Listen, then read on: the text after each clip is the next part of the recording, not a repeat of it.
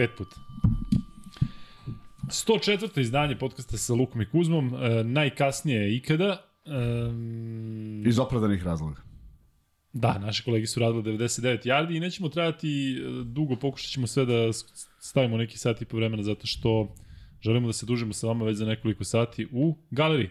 Tako, Kuzma, desi, galeriji od šta ima? 2 do... ne mogu nikoga da pogodim. Od 2. Od 12 do 2. Od 12 do 2.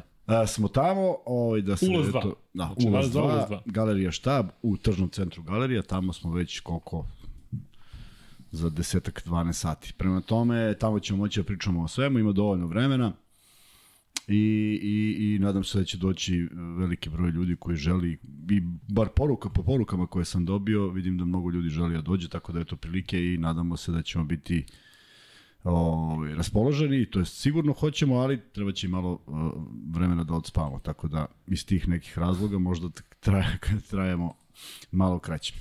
E, Vanja, vidiš šta se dešava na četu? Ne, futbol. dakle, svi apsolutno ka, Ne ne, ne, fudbal. žele futbol. Mi ćemo da ispunimo želje našim gledalcima. Koji futbol? Znači, nećemo ništa, a? Nećemo. Pa evo kažu ljudi da ne žele. Što da Vanja, možete ajde stavi pol. A nema šta pol da piše ne futbol. pa napisala njih trojice. E, A četvorice gledaj. Da, stavi Vanja, 75%. da li hoćete da pričamo o futbolu? Uopšte, ikada. ali ne, ali ako budemo pričati o futbolu, ako odgovor bude da, preko 50%, pričat ćemo zaista 3 ili 4 minuta, zato što Da, je Zvezda svojom više. partijom zaslužila da, da se priča celu noć, zato što Zvezda igra zaista fantastično. Ali Kuzma, e, što se tiče drugih stvari, e, pre nego što pređemo na ove redovne, da li hoćeš da pričamo o ponedljiku ili misliš da ne treba još? Ne, mislim da krenemo pričamo o ovome što se desilo i Ne, zaista... ne, u smislu šta mi planamo za ponedljak. Šta planiramo da ne? A, da. Pa možemo, Jel ali hoćeš, to a? ćemo na kraju da najavimo. Ne, to ćemo na kraju da najavimo. Imaćemo gosta u ponedljak, eto, Da, to hoćemo da, da, kažemo. I da. hoćemo da kažemo da e, Zvezda i Partizan igraju u četvrtak. Tako je. Što znači da ćemo mi u četvrtak raditi posle derbija i da nećemo znači- raditi petak, je tako? Što znači da. Što znači da će taj naš studio na sport klubu trajati i hahaj. U pravom smislu reči. Ja mislim sat i po ili dva pre i hahaj posle. Ali se Tako zna, da ćemo- pitaju ljudi često ko će prenositi i šta će prenositi, se zna šta je planirano za to, osim malo Da, jačih. ne znam da li, da li mogu da ovaj, ja otkrivam. A je znaš već, jel? Pa da. Dobro. Odlično. Ali mi, ja i ti ćemo raditi posle toga kako god, tako? Mi Radit ćemo ćemo, kako god, samo ne mogu da ti kažem vreme jer ne znam, ne znam sad. Jasno. I u četvrtak ćemo dakle raditi duže, pošto će biti povoda šta god da se desi u derbiju, e, pa u petak nećemo raditi zato što jednostavno neće biti potrebe. Tako da nam je ovo jedan kasni noćni podcast i dugo nećemo ove, ići ovako, ovako kasno. Da, baš je kasno, ali kažem, stice okolnosti i drugo uigrala se utakmica, dakle i naši, naše kolege su krenule sat vremena ranije, što je prouzrokovalo da eto i mi Mi već sad imamo preko 500 ljudi u live-u, tako da i To Stivi je i Carevi, prosto Tako je. nevjerovatno. I to je ono što je najvažnije, da, to je ono što je najvažnije. Zato smo, Ali posle ovog pola imam još jedan da vidimo samo koji ljudi su u istoj vremenskoj zoni, to me zanima, zato što da vidimo koliko ljudi je trenutno u istom ovom terminu kao i ti i ja, zato što u Americi je ovo idealan termin, dakle sada neko dođe tamo s posla, gleda, tamo puca sve. dakle i kažu samo rokaj. E, tako da Vanja možda ugasiš sada ovaj pol da vidimo šta ljudi kažu.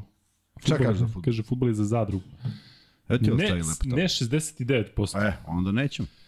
Nećemo da pričamo o futbolu, a da se, da se nekako izrazim možda zaista nije, nema ni potrebe. Jednostavno, da li je neko zasluži ili nije. U svakom slučaju, pretpostavljam da vam je svima bilo mučno i razumem vas što ne želite da slušate o futbolu, zato što toliko ima drugih adresa gde o tome možete da slušate, ali šta da se radi? Idemo dalje. Vanja, stavi pol baš da vidim koliko ljudi u istoj vremenskoj zoni kao Stavi, mi. samo, samo cepaj polove. Da, pa... Samo da, cepaj sad- sad- polove. Sad, šta kažeš? E, da li ste u istoj vremenskoj zoni kao i, i mi?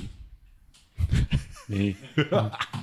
Da ili ne? Sam stavi da ili ne. Da vidimo koliko careva ima koji su čekali Koji? jedan i... A daj sa istoka da vidimo. Daj da mi- vidimo sa istoka koliko ludaka. Ne, ne, ne, pazi, uh, ista vremenska zona. Da može da... Ovaj, Da. ja. Ne, nemo treći odgovor, znaš, da li ste ispred ili nad, možemo stavimo kako god, ali u svakom slučaju, razumem šta hoćeš da kažeš, da li Ma, te da li neko u 3 sata... I ovaj, odakle, ali ja se zaboravio da kad napišeš u To odakle. ćemo za kraj. To ćemo za To kraj. ćemo oko pola Imaćemo četvrti, sed- 17 i pol za sat vremena. I onda ćemo naravno udariti onaj pol koliko ima zvezdaša, koliko partizanovaca, ali čini mi se da ima mnogo više onih koji su jako, jako srećni ovom serijom zvezde. Kuzma, ovo zaista deluje fantastično. Jest. Delovalo je uh, poprilično dobro.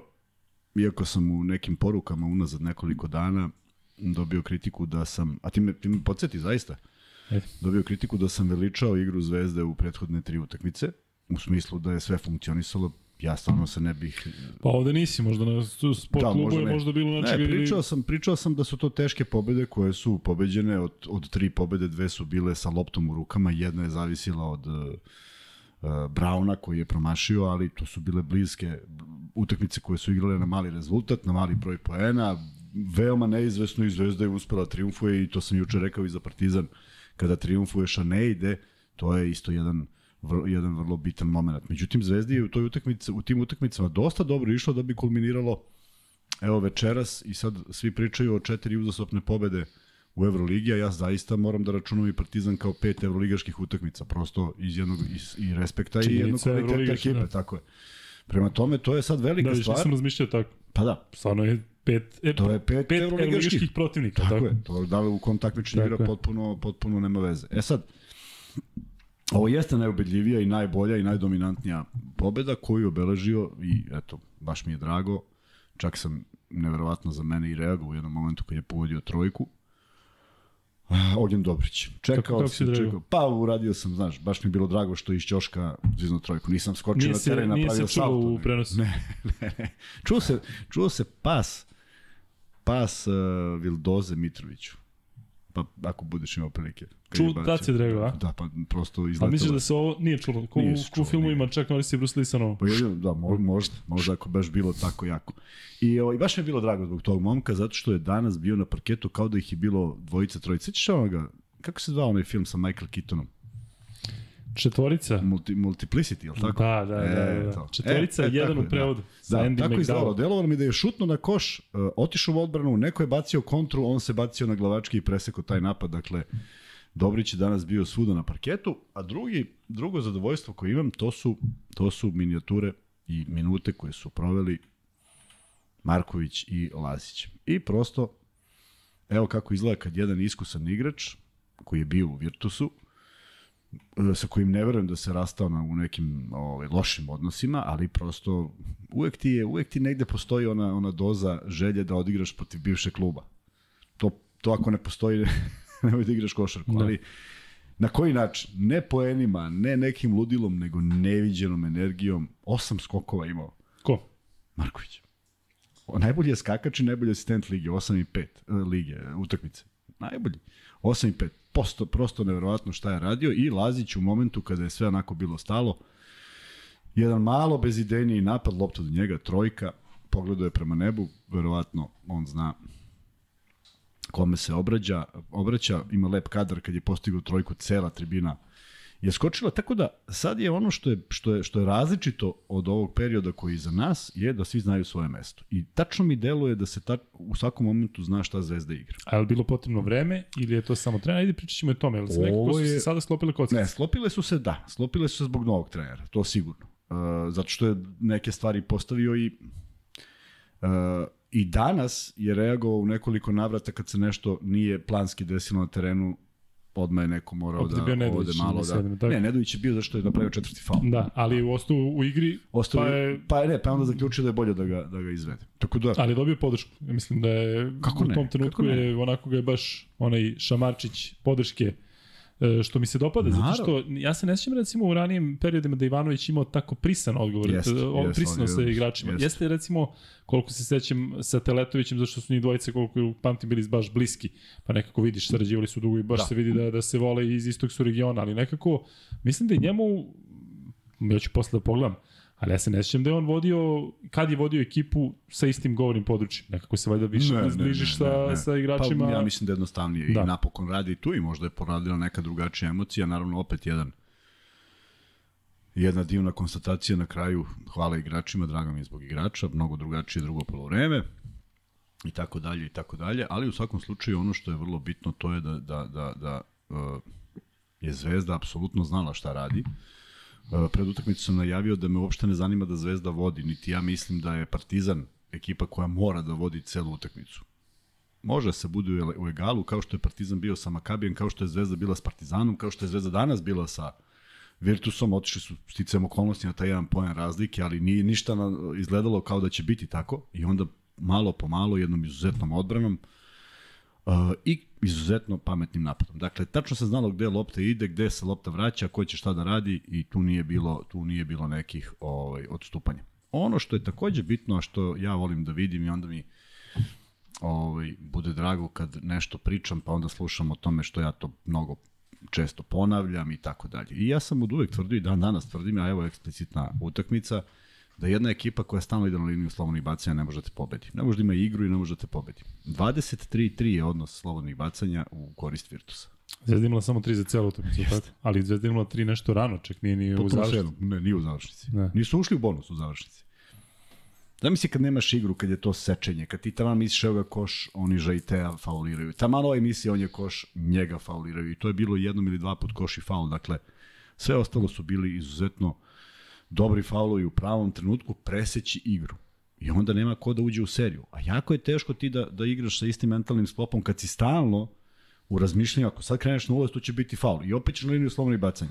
Da, ali trenerski to i generalno, znaš, kada na konferencijama za novinare uglavnom se pravdaju, kažu, evo vidi koliko su oni imali, krale su na sudije. To danas nije bio tako, ne, nego jednostavno ne, taj da. odnos zvezde prema igri. Tako, tako je, zvezdin odnos prema igri. Da. I činjenica da ovi nisu pravili faul, oni su tek na kraju pokušali da uđu u bonus, što je bilo potpuno besmisleno. Toliko je velika razlika da ni sam ulazak u bonus nije bio nešto što je bio prioritet. Tako da kažem, eto, to su, to su sad neke novine gde je opet Vildosa pogodio neke magične šuteve, imao neke izuzetne pokrete, izuzetne poteze, sve to lepo izgledalo, ali sad teško izdvojiti, sad kad pogledaš kako je ko igrao, teško izdvojiti bilo koga u, u, u, što se doprinosa tiče. Naravno da uvijek neko ko da najviše poena i jeste neko ko je najzaslužniji, ali opet Malo minuta, ajde da krenemo po igračima, pa će nam biti lakše. Ajde, ima, hoću da prođem još prvo nekoliko ajde. stvari, a ti, Aha. Vanja, samo ovaj, možda ugasiš ovaj pol da vidimo koliko ljudi gleda ovo u, u ovo. Pazite sad ovaj moment. Pazite ovaj moment Pala Vladimir Opa. Kuzmanović.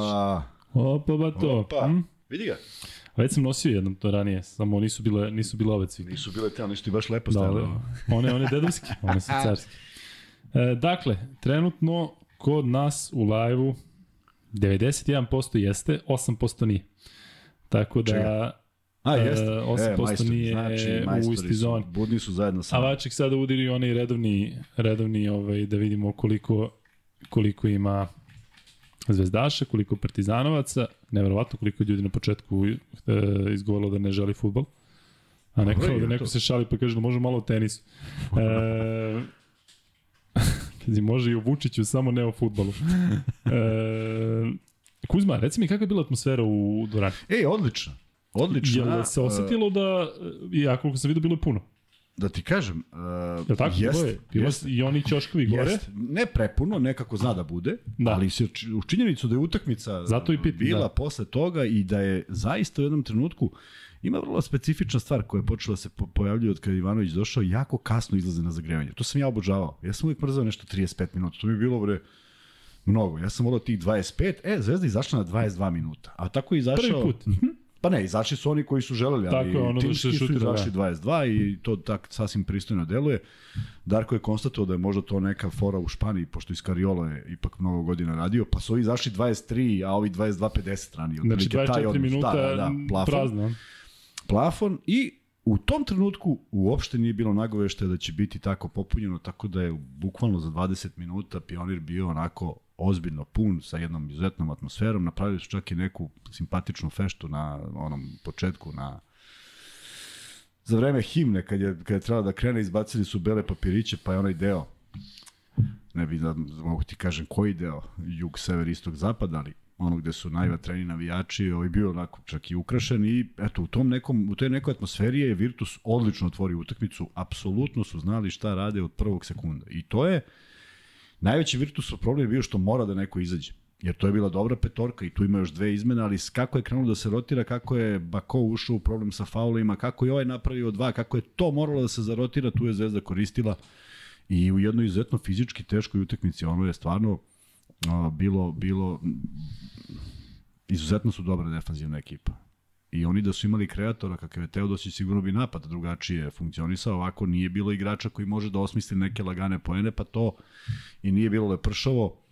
Uh, Da, ček, delo da je bila utakmica na preveliki broj poena, znajući kako su oni igraju defensivno Da, i da je da, Zvezda da, da, sve ali, ozbiljnije. ali, ali upravo vidiš, Zvezda nema odlazak na liniju slobodnih bacanja, sve što šutira pogađa u neverovatnim procentima. 68 i 43 Zvezda dugo nije šutirala. Prema tome, to su ozbiljni procenti, to znači da je sve nekako išlo. A pritom nisu bili uh, ludačko brzi napad, ludački, ludački Da, napad. nisu, nisu gurali loptu. Ali je da bilo kontre. Bilo je kontre kad god je neko mogao, Vildosa kad baci kontru zaista... o- A delo je da je bilo oči. smisleno, da se nikada nije žurilo Tako kada ne treba. Ne, tako. ne, upravo to, upravo to. I ima jedan moment, opet jedan onako prekor, fenomenalno je bilo, tražio se slobodan šut, našao se Nedović koji je tek ušao u igru i sad Nedović je bio, pa mogo je da bude korak bliže i da bude na trojici. On je bio korak dalje, naravno reakcija Ivanovića odmah prilazi i pokazuje mu tačno to. Početak četvrte, tako? Po da, samo još korak bliže, dakle ima tu sve svoje. Tada ga je i ono zagrlio, pa mu je Jeste, desno. jeste, jeste. Ali ja mislim da Nedović tu ne pravi razliku. Posle NBA ligi da njima nije... Slažem se, slažem se, ali svaki trener voli da to bude, Tako to bude tako šut koji može da bude. Ako nema Ako problema, može, da. tako je, ako nema problema, ako ćeš da šutneš sa 9, a, a mora da se šutne, Da. šutni sa 9. Onda nije bilo mnogo propuštenih napada. Ti kad pogledaš da je Zvezda u prvoj, u prvoj četvrtini šutnula, u prvom poluvremenu šutnula samo dve one trojke, e, Marković jednu i Dobrić jednu iz Ćoška koje su bile na, isti, na isteku napada, to je vrlo to je činjenica, to je pokazatelj da je napad bio sasvim dobro organizovan i da je tu bilo mnogo nekih dobrih ideja, opet čak i proglašen igračem utakmice Mitrović koji startuje od eh, 10. minuta, ali odigrao majestralno, eh, zaista napravio ozbiljne probleme u reketu Armaniju, tako da je apsolutno večeras sve funkcionisalo i prosto nemam, nemam za razliku od onih momenta kada smo imali mnogo kritike na pojedine igrače, Danas uopšte ne znam koga bih svrstao u, u bilo šta što je bilo loše, jer jednostavno u, u, rezultat je konstantno od jednog minusa, koji je bio 7-8 poena na početku, stalno se dizao, dizao, smanjivao, smanjivao i onog trenutka kad je, pre, kad je Zvezda prelomila, od tog trenutka više nisu došli na manje od 3 poena razlike ili 2. Ili je možda bilo nerešeno, nije ni važno. E, baš zbog toga da se nadovežemo na još jedno pitanje, da li misliš kada podučemo crtu sad, radili smo svaku utakmicu Zvezde pojedinačno, da li je ovo najbolja partija Zvezde ove sezone? Jeste. Uz, uz utakmicu protiv Partizana, apsolutno najbolja. Zato što mi je Partizan ostao u sećanju, u sećanju mi je ostao bilo pre, pre 5 dana. E, e, e, fantastična, fantastičnih fantastična četvrtina od prekida i Partizana i Zvezde, jedna prava, prava, fantastična napadačka košarka, a onda upravo ovo što je Zvezda uradila u, u drugom delu ove utakmice, mnogo jača, mnogo jača odbrana. Mnogo, mnogo veća energija, e, izuzetno je bilo teško dati koš i jedna srećna okolnost, u moru opet nekih sudijskih odluka u kojima nisu uticale na rezultat, ali bila je jedna koja je stvarno mogla da utiče na rezultat. E, Bentel je pogrešio i krenuo je za igračem da napravi, ja mislim da je on dva puta pokušao da napravi faul. Međutim, sudije se mu nisu oglasila da se ovaj malo, malo gicnuo Da. ozbiljan problem, jer ne znam uopšte koja je ideja kad juriš čoveka, a, a za mnogo blesavije stvari se sviraju namerni faulu i tako da je tu negde malo progledao kroz prste i možda kompenzovao sve ono što je negde u nekom momentu svirano. Ne ulazim, kažem, nije uticalo na rezultat ovaj, da, bi, da bi se pričalo o tome, ali negde mi je utisak da stvarno treba da počne da se neko raz, da zami, razmišlja ko dolazi da sudi. Jer može bude ovakav, može bude onakav kriterijum. E to, to ne bi trebalo da bude. Ne bi smelo da postoji takav kriterijum. E, moraju da ga u, u, uniformišu i da bude jedinstven. Da, ovde sad vraćam se na komentare gotovo sa početka. Futbol zabraniti da se ne spominje neko vreme i e, kažu za ono što si rekao na početku kao da će biti nešto na sport klubu spremno, ali ne smeš da kažeš šta kažu, reci Kuzma, slobodno ostaće među nama.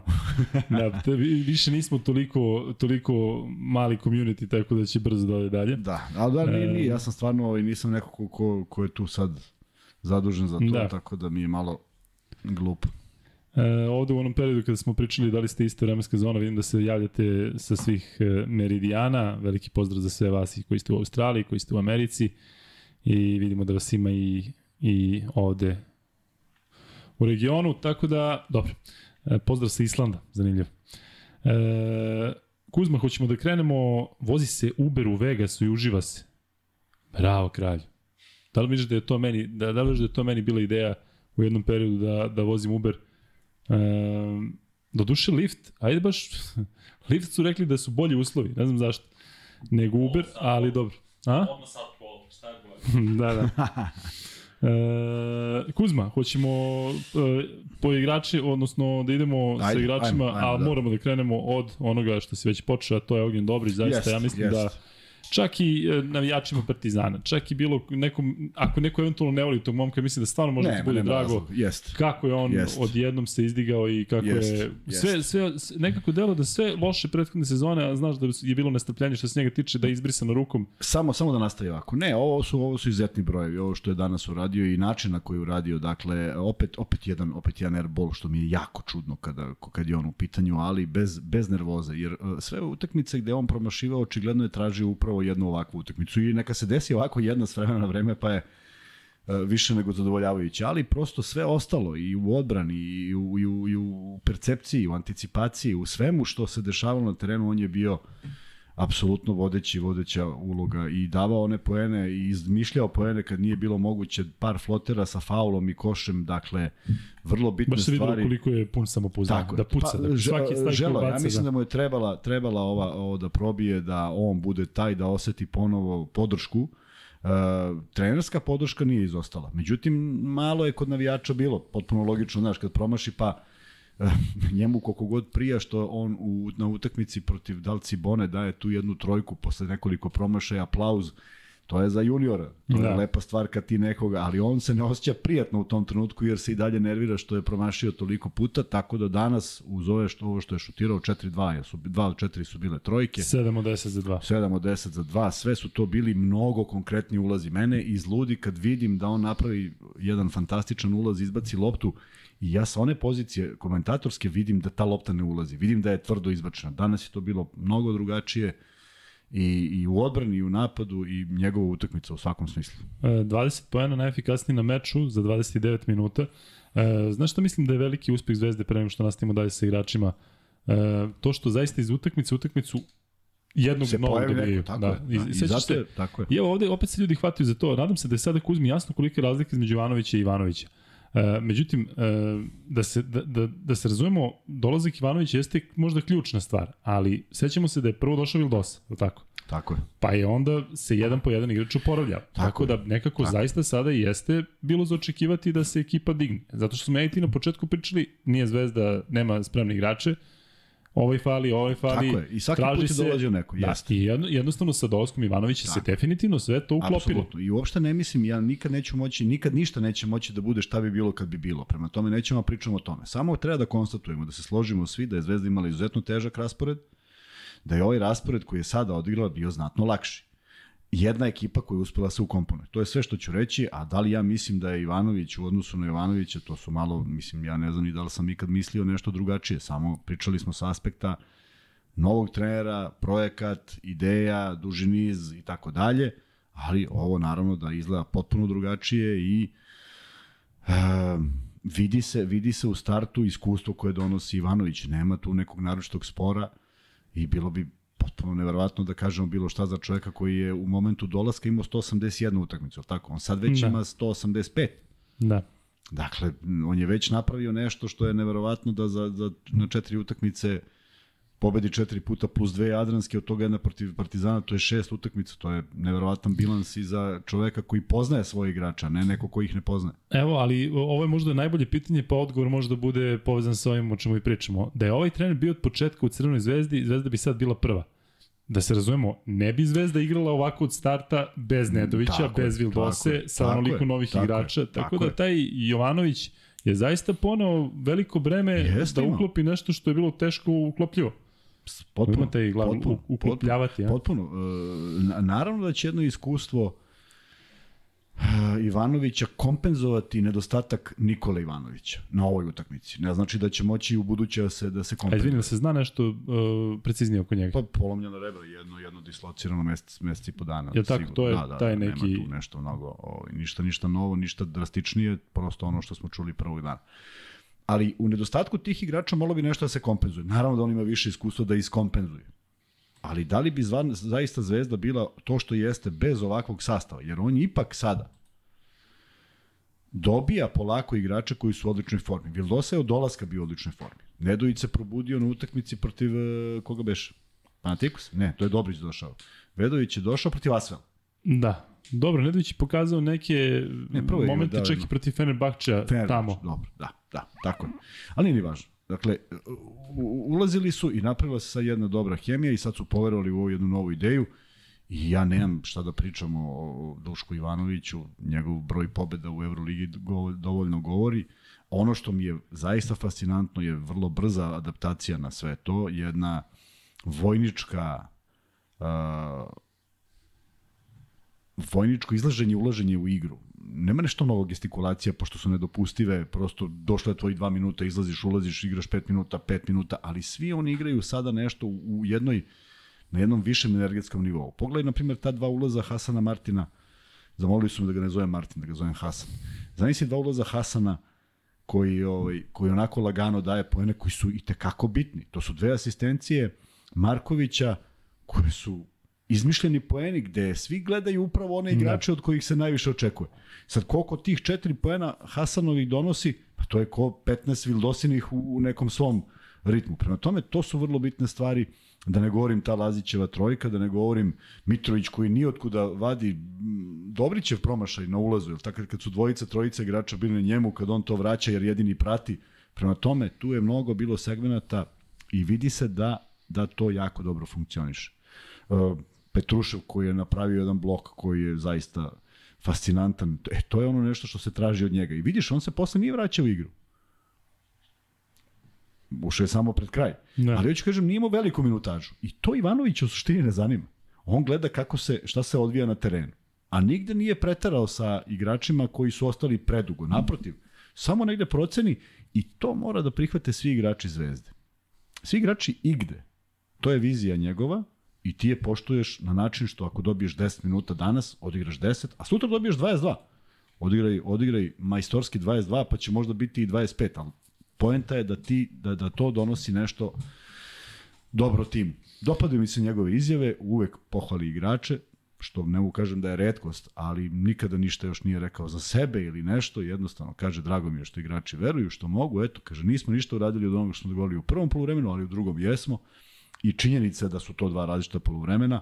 Da li je Zvezda i koliko daleko da odigra dva identična, ajde da ne, da ne preterujemo, možda bi Ne. bilo i mnogo, ali u svakom slučaju jedan uspon koji e, za sada nema razloga da se razmišlja o nekom padu, jer ne vidim da neko troši mnogo minuta na parketu i primećujemo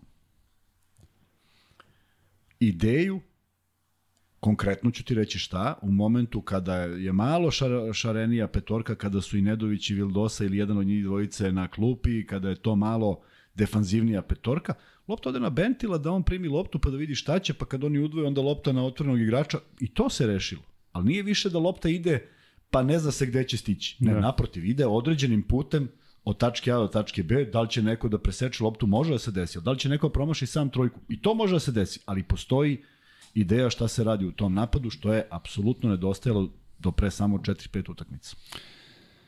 Da, evo ovde je neko odgovorio, ne, ne bude smešan, ko misli da bismo sa Duškom dobili Efes, Real, Fener, Baskoni i Monaco u gostima, taj Mnogo, pojmena. tako Tako, je. to bi možda Mnogo. bila, možda bi bila neka pobeda od Možda, toga, možda, možda bi neka, tako da. Zvezda sada Ali- ima 8 pobeda, ne bi Nije- bilo nije realno. realno. Iako ovo lepo izgleda, ali mora ljudi, mora ljudi da shvate, dolaze i iz raubovane ekipe, dolaze na, doma, na, na gostujući teren, Nije lako igrati u pioniru, nije lako igrati pred navijačima koji naprave onakvu atmosferu, nije lako igrati sa fizički ozbiljno jakom ekipom. Prema tome, ja i ne mislim da, su- da, da je i Partizan i Zvezda da treba budu laki tereni za pobeđivanje, ali ne, nemojmo da uopšte razmišljamo o tome šta je bilo kad bi bilo. I ono što je vrlo interesantno i što me jedino iznenadilo, to je da je svaki put posle auta Skariolo stao u zonu i nekakva da. zabuna se desi Slažem se da ima malo manje vremena, ali prosto prepoznaš i ajde jednom da, izan, da je bilo iznenađenje, već drugi put ne iznenađenja, da ne govorim peti put kad imaš peti auto mora brže da se reši. I Loza je to lepo razbio trojkama, ali zona je i napravljena da bi ti šutnuo trojku. Mora da bude nešto što je u drugom poluvremenu Mitrović fantastično radio. On kad primi na postu, okrene se i dok ne nađe ko je sam, prosto ne ide na koš, tako da e, eto, e, samo, samo te neke segmente kad bi prepoznali možda lakše, ali da se razumemo, nije ni ova ekipa došla još do nekog uigravanja koje je možda predviđeno, mora prođe malo vremena. Da, delo zastrašujuće da ako Zvezda ode na još neki ozbiljni nivo, koji su dometi. Jeste, Zato što.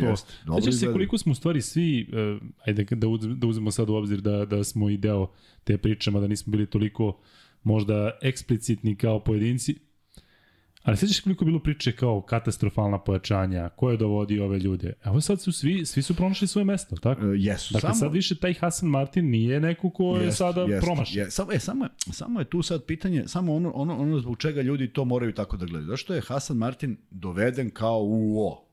Olimpijakos. ludo. Tako je. A Hasan Martin ima svoju ulogu, ali ako je ona šest poena i ne postoji drugi koje možemo da angažujemo, ok, ajde da angažujemo Hasana Martina i uopšte nije problem. Nego, znaš kako, ljudima u očima je taj stranac neko ko donosi Da, više kida. od toga. Da. Da. Ako ćemo biramo da li će Petrušev da 8 poena ili Hasan Martin, što ne bi Petrušev dao onda 8 i 8 16 ako može. E to su samo, samo te stvari. Međutim, kad naslediš ovu ekipu, izuzetno mudro je iskoristiti sve što može. I vidiš koliko strpljenja ima i daje svima šansu. I Holand je danas, na primjer, napadački pogodio vrlo bitne stvari. Ali oni dalje u odbrani, i mislim da nikad to neće, oni Da, dalje ono stoji, da je- već u startu loše, Hronično, Hronično. nešto da. on u startu stoji loše da bi stigao čovjeka koji izlazi iz bloka. To, ni, to tre, nijedan trener na svetu ne može, ne da može. Mo- Možda mu pokažeš 200 puta, može onda klivne glavom 204 puta, ali taj izlazak je ponovo bio pod izuzetno lošim uglom i videlo se da ne stiže. A to ne znanje ili osjećaj? Ne mislim osjećaj. da, mislim da, pa mislim da nije. To dođe na isto, da. Pa, znaš kako ne dođe na isto? Vrati se na moju priču o Oliveru Popoviću. Kako je Oliver Popović igrao odbranu? Pa znao je kako da se kreće. Nije bio najbrži, ali je znao od tačke A do tačke B u najkraćim koracima. E tako i ovaj mora da... Ali mora nije da... stvar više rutine, taj čovjek je preiskusan da bismo mi sad govorili da Tako on je, nešto tako uči. je, dakle, tako to je. Ne, ne, on... on nema više vremena, da. Da. On, on prosto nema rutinu kako to da, Da. uradi, a da bude jednostavnije. I nekako mu stalno igrači beže, međutim, danas tu trojku koju je digo za divno čudo nije bilo ono ko u fliperu, pum, pum, pum, pum, tako izlazi, nego izašao direktno, primio loptu i očigledno ima direktivu Mus šutiri. da je šutira. Čak da. jednom kad je spustio dribling, Ivanović ga pogledao i rekao trebalo je da šutneš. Čak uh, kad je dodao Dobriću u ćošak, Ivanović je njemu rekao šutni bio si sam. Da. Dakle, stvarno, ako ti je to rekao trener, pa nemoj uopšte ti sad tu da razmišljaš i da praviš asistenciju. Mislim da je najveći kvalitet zvezde to što e, vrline igrača dolaze do izražaja, a te neke mane pojedinaca su Sakriju sada, se dobro, tako. ne samo da se sakriju, nego jednostavno ne utiču toliko loše na Ali, ekipu. hoću kad, kažem sakriju se, znači ako neko krene da brlja, momentalno Tako izašao i ulazi Tako neko ko više ne brlja. Dakle, sakriješ nešto što su nedostaci i ne može protivnička ekipa da se adaptira.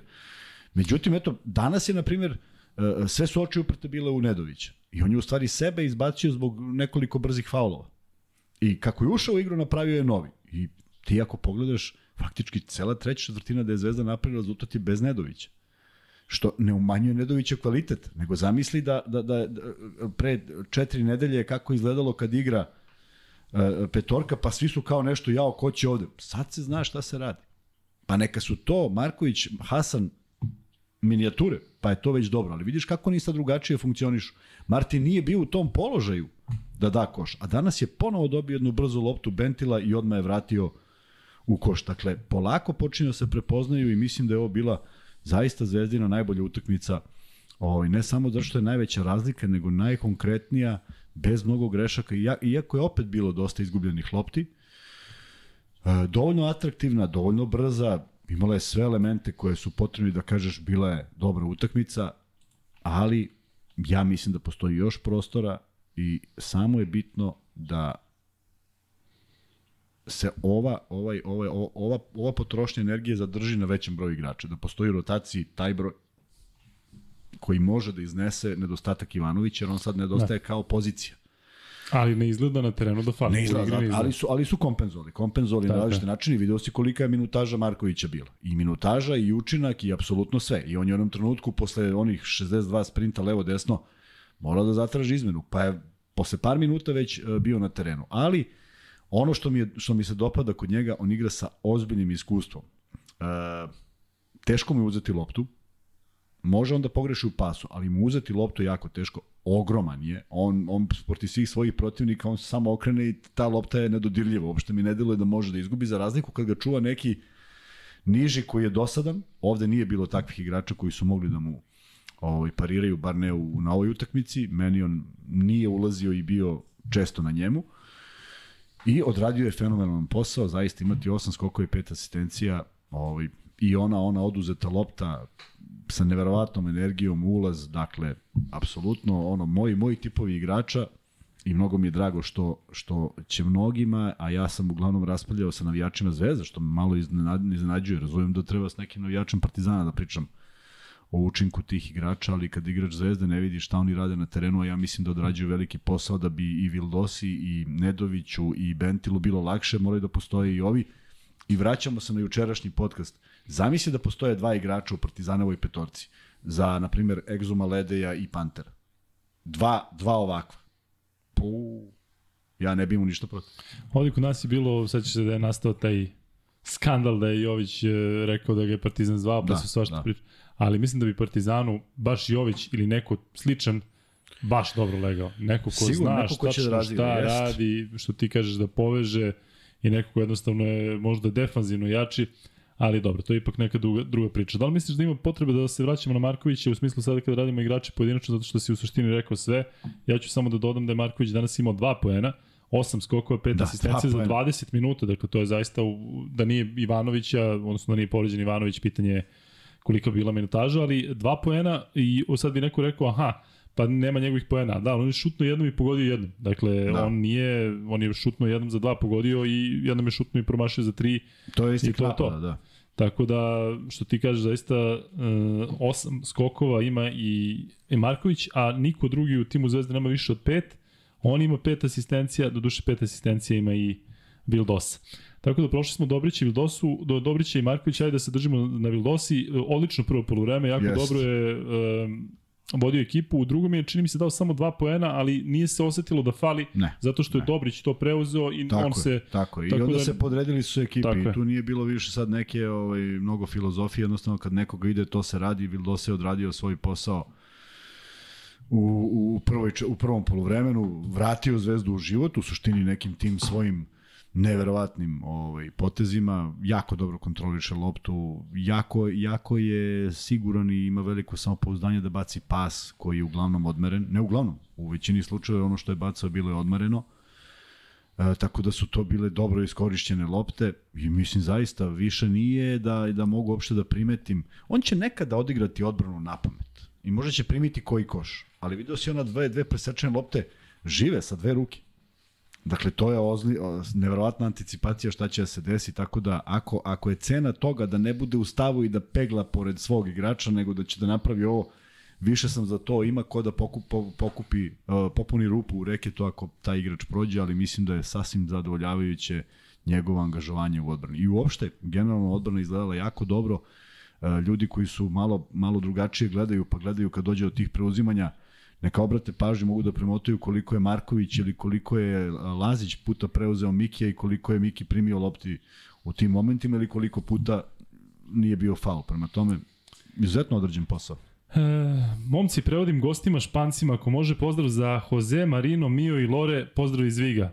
Hola muchachos. Može. Pozdrav za vas. Daj da se nešto na španskom. Kako da ne znam. Daj, bilo šta ne. Nemoj da me mučiš sada u dva sata. e, Kuzma, e, čini mi se da... Bonito, ja te kjero. A ti nam Dejan piši Zelac, posle. Milan Uzelac, kaže. Evo, napisao ti nešto, da ne kažem šta kaže, ali te pozdrav Milan Uzelac. Odlični ste dečaci, Luka, molim te samo ako možeš umesto ja i Kuzma, Kuzma i ja u 95% slučajeva ideš prvo sa Luka, eto jedna jedina zamerka, sve drugo za medalju. Luka odlično drži emisije pod kontrolom, vodi sve ovo kao moderator sa pitanjima, malo ima tog navijačkog komentara u sebi što je skroz ok. Kuzmini komentari su pravi, na mestu, vidi se da je bio profesionalni sportista na vrhunskom nivou koji sagleda košak i svih pa, uglova i strpljenja. Pa nisam ni vidio to. Prema svima u sportu i sviđa mi se što u svima igračima i trenerima traži pozitivno do maksimuma. Pozdravi za Vančeta, Vančeka, tu si Vančeka. se zeznuo, odlično kormilara ovog Brodića i sasvim solidno u komentarima NBA, držite se. Um, hvala tebi puno, uh, ovo je naš novi... Uh, Paypaler. Paypaler. Da, hvala puno, da, svaka čast. E, imamo taj PayPal, hvalimo se, ne, ne toliko da biste sada vi donirali koliko nam je drago, koliko zato što ste drago toliko što... tražili taj PayPal, a ja i Kuzma a, mi kad sednemo, imamo, mi kad sednemo i sada on nam traži nešto, kada, smo, kada treba da otvorimo PayPal, i ne znate kakve su to muke bile, i onda prekinemo i onda uveče mi Kuzma kaže, i kaže stali smo na toj, a pritom to je realno ovaj, ko se razume i kako to sve ide i kako se ispože. Otvaranje Paypala kao uh, oni majmuni Odiseji 2001 kada vide monolit i pipnu ga prvi put. Da, Otprilike ali, tako nešto izgledalo. Ali sećaš se, Kuzme trebalo da otvori neki račun, valjda mi smo čuli da samo jedna banka može preko Paypala. I Kuzma je otvorio valjda račun u toj banci, ja sam ga jedno i rekao je čekam da me okrenu i pet meseci kasnije ga već podcast uliko traja, ga pitam pa ovaj, šta se s tim deša, kaže Kuzma, ne, nema od toga ništa. tako da sam ja mislio da je nemoguće otvoriti Paypal i hvala Ali što učestvujete. Ali u stvari bilo jako tako. jednostavno i evo sada sve to funkcioniše.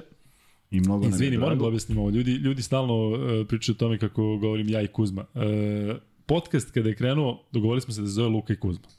I onda je meni prirodno da, da kažem ja i Kuzma, zato što uvijek govorim, dobro, došli sa Lukom i Kuzmom, Luka i Kuzma, Luka i Kuzma, Luka i Kuzma, Luka i Kuzma, i nekako mi je prirodno da kažem ja i Kuzma. I sad to ispada da ne, ne znam šta, ali zaista je tako, zato što tako se zovemo i onda mi je glup, nekako mi je neprirodno da kažem Kuzma i ja, zato što, slušajte koliko smo navikli na taj naziv, Kuzma i Luka podcast. Dakle, Luka i Kuzma, Luka i Kuzma, Luka i Kuzma i onda nekad skratim i kažem ja i Kuzma, Tako da, ovaj, da se ne ljuti. To je jedini, jedini razlog. E, Mitrović, Mitrović onaj lažnjak na kraju, kako ih je podigao? Jel znaš čemu o, pričam? Da, obojica skočiše, da, nema, nema. I ajde onda da nastavimo, da nastavimo odmah sa Mitrovićem, 12 pojena, 5 skokova, 3 asistencije. Kada je on ušao? Šta, da li se sećaš kada je on stvarno ušao? On je ušao nešto u... Da, da, da, on počinje već drugu utakmicu u drugu četvrtinu. Dakle, nema ga u prvoj nema i, u, prvoj, i u startnoj da, da, I promeni se, promeni se 4 od 5 u prvoj, možda čak i 5 od 5, ali on startuje drugu. I da, toga on pamti već dugo da Mitrović. Tako je. I jedino, jedino što mi je bilo interesantno, jer mi je tako iz mog ugla delovalo da će na zakucavanje onaj moment kad je Miki stvarno imao fantastičan osjećaj i blokirao njegov šut, da će zakucati. To mi je jedino bilo interesantno, ovo sve ostalo što je uradio i na mestu, i pravovremeno, i lagano, i sa puno osjećaja, i desni poluhorog, i levi poluhorog, i stvarno mislim da je neko ko posle tog otvaranja iz pika, tog kratkog otvaranja, ovaj, jako dobro kontroliše noge. Jako dobro, ne pravi korake. E, da li se sećaš ovog momenta protiv Partizana u derbiju kad je izmislio onaj potez pa naskočio na, na dve noge i levom rukom promašio? To je bio jako težak ceo taj potez sa čovekom na leđima, ali je bio vrlo stabilan i to je negde njegova tajna da je uvek jako dobro kontroliše noge. On redko pravi korake, osim možda u direktnom polasku, ali ovo pod košem fenomenalno se nalazi. Evo kaže od Luka Mitrovića i kratko otvaranje, ljudi moji poezija, savršeno preigravanje, prodor, sve može Tako. igračina. On su zaista nekako na početku sezone i on je bio nesiguran, sećaš se da si on tražio. Pa jeste, naravno. naravno. A, međutim sada mnogo mnogo e, samo još samo, samo još samo još ono jedna jedna sugestija. Neretko mu se desi da traži prvo rešenje na šutu. ne, ne vidi gde je. Ne da ne vidi, znamo gde je, nego samo da pogleda samo da napravi taj još jedan detalj, da pogleda koš i da se skupe još više, jer kad pogledaš koš, prosto po inerciji, ne može on je sad ostane hladno krvan i kao sigurno će onda doda. Tako da mi se nekad čini da traži rešenje da doda pre nego što je ima pre nego što je video još možda neko bolje rešenje, ali do kraja utakmice i to odradio tako da sa svim svojim poenima i učinkom apsolutno jedan od najbitnijih na ovoj utakmici. Uh, Vanček piti ovde da prokomentarišemo, odnosno da damo kasnije neki kladioničarski tip za plus minus NBA, vjerojatno zato što sada počinje, ali ja baš tu ne pratim te granice, znam da sam se iznenadio, ali ti imaš nešto što miš da će biti doći veliki broj pojena, a? Da, da, slabo je Ivanček. Idemo, kaže Luka, čekate posao u tracking, samo dođi malo je bolje od Ubera. E, čuj, dođimo, da se vratim. Ove, ovaj, zaista imam veliku želju da ponovo dođem u Vegas i kažem, tamo mi je rođena čerka, i nekako smo vezani, vezani baš za, za Summerlin konkretno u Vegasu. I pričali smo ovih dana kako je bilo dobro da, da da jako brzo odemo, odemo nazad, pa ćemo videti. Nećemo ići na, na, na, za stalno, pošto ne možemo zbog podcasta, ali ovaj, e, bit će dobro. E, Slušaj, evo, Luka, bolje komentarišite Adelaide i Hapoel Holland koji se danas prenosio nego futbol. Nećemo ljudi prenositi futbol, obećao. Ali ovde neko, uh, uh, neko je rekao kako je prilikom trojke Dobrića, da je Plavšić digao obe ruke i da se videlo u hali, jel Darko tako reaguje na, na, na, na ne znam stvarno, nisam, možda je to baš ne, isto. Ne, da je komentatorska, komentatorski pozici bilo moguće, malo i, moguće, da. mislim, na navijački na, moguće, za Dobrića. Moguće, moguće. Pa, znaš kako, i Darko je, Darko je ovaj, stvarno uh, teško preživljava one momente kada Zvezda igra loše. Šta radi u kabini? Ne, par puta uh, si rekao. Skine slušalice, pa baca, pa mislim stvarno, jednom sam, na, tražio sam beneficijani radni staž, ovaj, pošto mi iznenadio reakcijom, ali tako, tako on reaguje. Međutim, ovaj, Da, to je najiskrenije, da, tako da, da nema šta. Međutim, dopada mu se ovo i zaista sa uživanjem je prenosio, tako da nije imao, nije imao tih stresova i ispada na ovoj utakmici a u krajnjem slučaju Zvezda je odigrala tako da i nije bilo potrebe. Luka, ne moramo mi Srbi uvijek da se delimo na Zvezdu i Partizan, zaista ne moramo, ali vidite da ovde, ovde ovo što radimo ovaj pol je nešto više onako, ajde da više kažem, revijalno. Radi, da. Tako da ako neko ovde želi da se Zvezda i Partizan pomire koliko god je moguće i da to bude zdrav rivalitet, to smo Kuzma i ja. Opa, bato. Ko, ja nikako sto odmah da, samo. Nepre, nepravno deluje. Da, sad, e, Idemo dalje. E, Kuzma, što se tiče narodnog igrača Ben Bentel, 12 pojena, 4 skoka, 2 asistencije, 3 od 6 za 2, 2 od 6 za 3, je li to previše šutnutih trojki i ispucavanje Koliko? Bentela? Ne. 2 od 6 za 3. Ne. Neko ovde ne, čak ne, prokomentarisao da... Pozicije, ne, bile su pozicije, stvarno su bile pozicije. Par puta u poslednji pas, onaj u napadu, vrlo bitnim momentima je dao trojku. Ono što mu treba i još što mu nedostaje, to je uh, fantastično je danas prepoznao razliku u visini kad ga čuva niski igrač i svaki put je poentirao. E samo još malo strpljenja kad ga čuva Miki ili tako neko gabaritni. Znaš, ko, znaš kako deluje? Kao da je šutnuo što pre. Ovde gradi, gradi, gradi jer mu je lakše, ipak je viši i ima pregled prema... A ovde kad dođe kod, kod višeg igrača, kao da skrati celu tu akciju, a nema razloga. I onda jedan, jedan izbačaj koji nije ni približno onome što naravno može kad je neko niži, ali samo sa više slobode i mislim da je to negde ideja i ono što je nedostajalo Zvezdi u prvih osam utakmica. Je li osam, jeste? Ne. Pa manje. Dva, ne može da bude osam. Ne može da bude osam. 1-6. 1-6, sedam da, utakmica. Sad. E, ovaj, to, to je nedostalo ti poeni. A sad ih stalno ima. Sad ih ima 2-4-6. Ne mora da ih bude 30, ali svako tu postigne neke svoje poene koji su vrlo bitni. U ostalom i Bentel kad je, kad je opasan ispred, ispod koša, lakše se otvara na trojku. Prosto moraju da izaberu gde da ga, gde da ga brane. Danas to 2-6 mi čak i nije smetalo. Mislim da je u pravim momentima pogodio i da su da se otvarao jako dobro. Prema tome, ne vidim problem da on šuti. A ti deluje da je manje plašljiv da uđe u reket i da, igre leđima. Da, Dakle, ono čemu se priča ranije. Da, da. I, i, i spaso je neke lopte i našao neki put nazad kada je malo bio u problemu, ali deluje kao da, da malo igra slobodnije. I Anđela Spasović ovde koja vidim da je baš aktivna što lepo vidjeti da je žensko aktivno na, na, na četu, pošto pamtim iz prethodnih e, podcasta, kaže na komentar na gledanje snimka i suđenje uopšte. Verovatno misli na snimak, sada se ovde nadovezuju, Jel vidio neko na oni snimak challenge Ivanovića kada je sudija bio bliži situaciji, svirao faul u napadu, sudija sa drugog kraja terena, faul odbrane. Posle snimka, slobodna za Virtus. Jesi to ne, nešto tu Holland, video? Da. E, nisu me ubedili. Oni su gledali, gledali, gledali. Ja jedino što mogu da zaključim, to je položaj Holandovog tela. Dakle, Holand nije stao ovako, nego je stao sa rukom ovde. E, ovako je stajao. Ali je stajao. I stajao je van, van polukruga. I direktno se čovjek zakucao njega i onda su gledali, gledali, gledali i dosudili ipak ovako. I bio je još jedan moment, ali sam stvarno zaboravio jer nisam hteo da mi odloči pažnju, ne mogu da razmišljam o tome i ovaj, čitao sam Lamonikin intervju da su fenomenalna pravila i da ih treba još više prilagođavati, tako da sam se onako malo zabrinuo šta će da, biti u budućnosti. Pusti Lamoniku. E, pozdrav ekipa, vozim trenutno iz Čikaga za Floridu, svaka milja mi je večnost zbog naših šta da radimo, rekli smo da nećemo u futbolu i možda vi koji, ovde je neko rekao da se zabrine da se priča o futbolu uopšte. E, mnogo je lepo pričati o košici. Neko, možda je takav utisak moj večeras, ali sa onakvom zvezdinom partijom i sa onakvim futbolskim uh, šamarom, Uh, još više pravim razliku između košarke i futbola. Naravno, ja sam subjektivan kao i ti, jel tako, mnogo više volimo košarku, smatramo da je bolji sport, da je da, plemenitiji, da, ali nekako sad se baš, baš nekako sam osetio razliku i rekao daj, daj da gledamo tu košarku i da bude ne znam lakše. kada ću sled, sledeći put gledati futbol. Evo, samo da ti kažem, neko Ajde. mi je poslao poruku, a ne znam ko, jer je nestala, ne znam, ne znam uopšte gde I napisao je, samo sam shvatio da je napisao da je neko u, na istoku dva sata ispred, što je još genijalnije. Znači, tamo je četiri. Da, da, da, neko je ovde, pa na istoku dva sata, to možda bude neki ovaj Katar, Abu Dhabi, pa da, nešto slično. još su, još su ispred, da. Neko, da, neko, neko pisao iz Melburna, da u Melbourneu je sada rano ujutru, da, koliko znam, da, tako da, da ovaj, E, Da, ovde pitaju da li će biti dva komentatora za, za derbi. Vidjet ćemo. E, kaže Vladan Miladinović, e kad okasnim na podcast, a počinje u 1.15. Šta da ti kaže? E, pozdravili smo ovu ekipu iz Viga. E, nadam se da, da uživate u, u mečima Celte. E, ništa, Kuzma, idemo dalje što se tiče igrača, pa Idemo, ćemo se vratiti na, ova, na ovo pitanje. Prosto je nevjerovatno da u, u sred noći imamo oko 1000 u live-u. E, Svaka im čast. Majček, ako hoćeš da, da gasimo ovaj polo Zvezda Partizan, šta misliš, na? Da bismo mogli u nekom trenutku da ispucamo i free bet, hoćeš? Ajde, ajde. Da.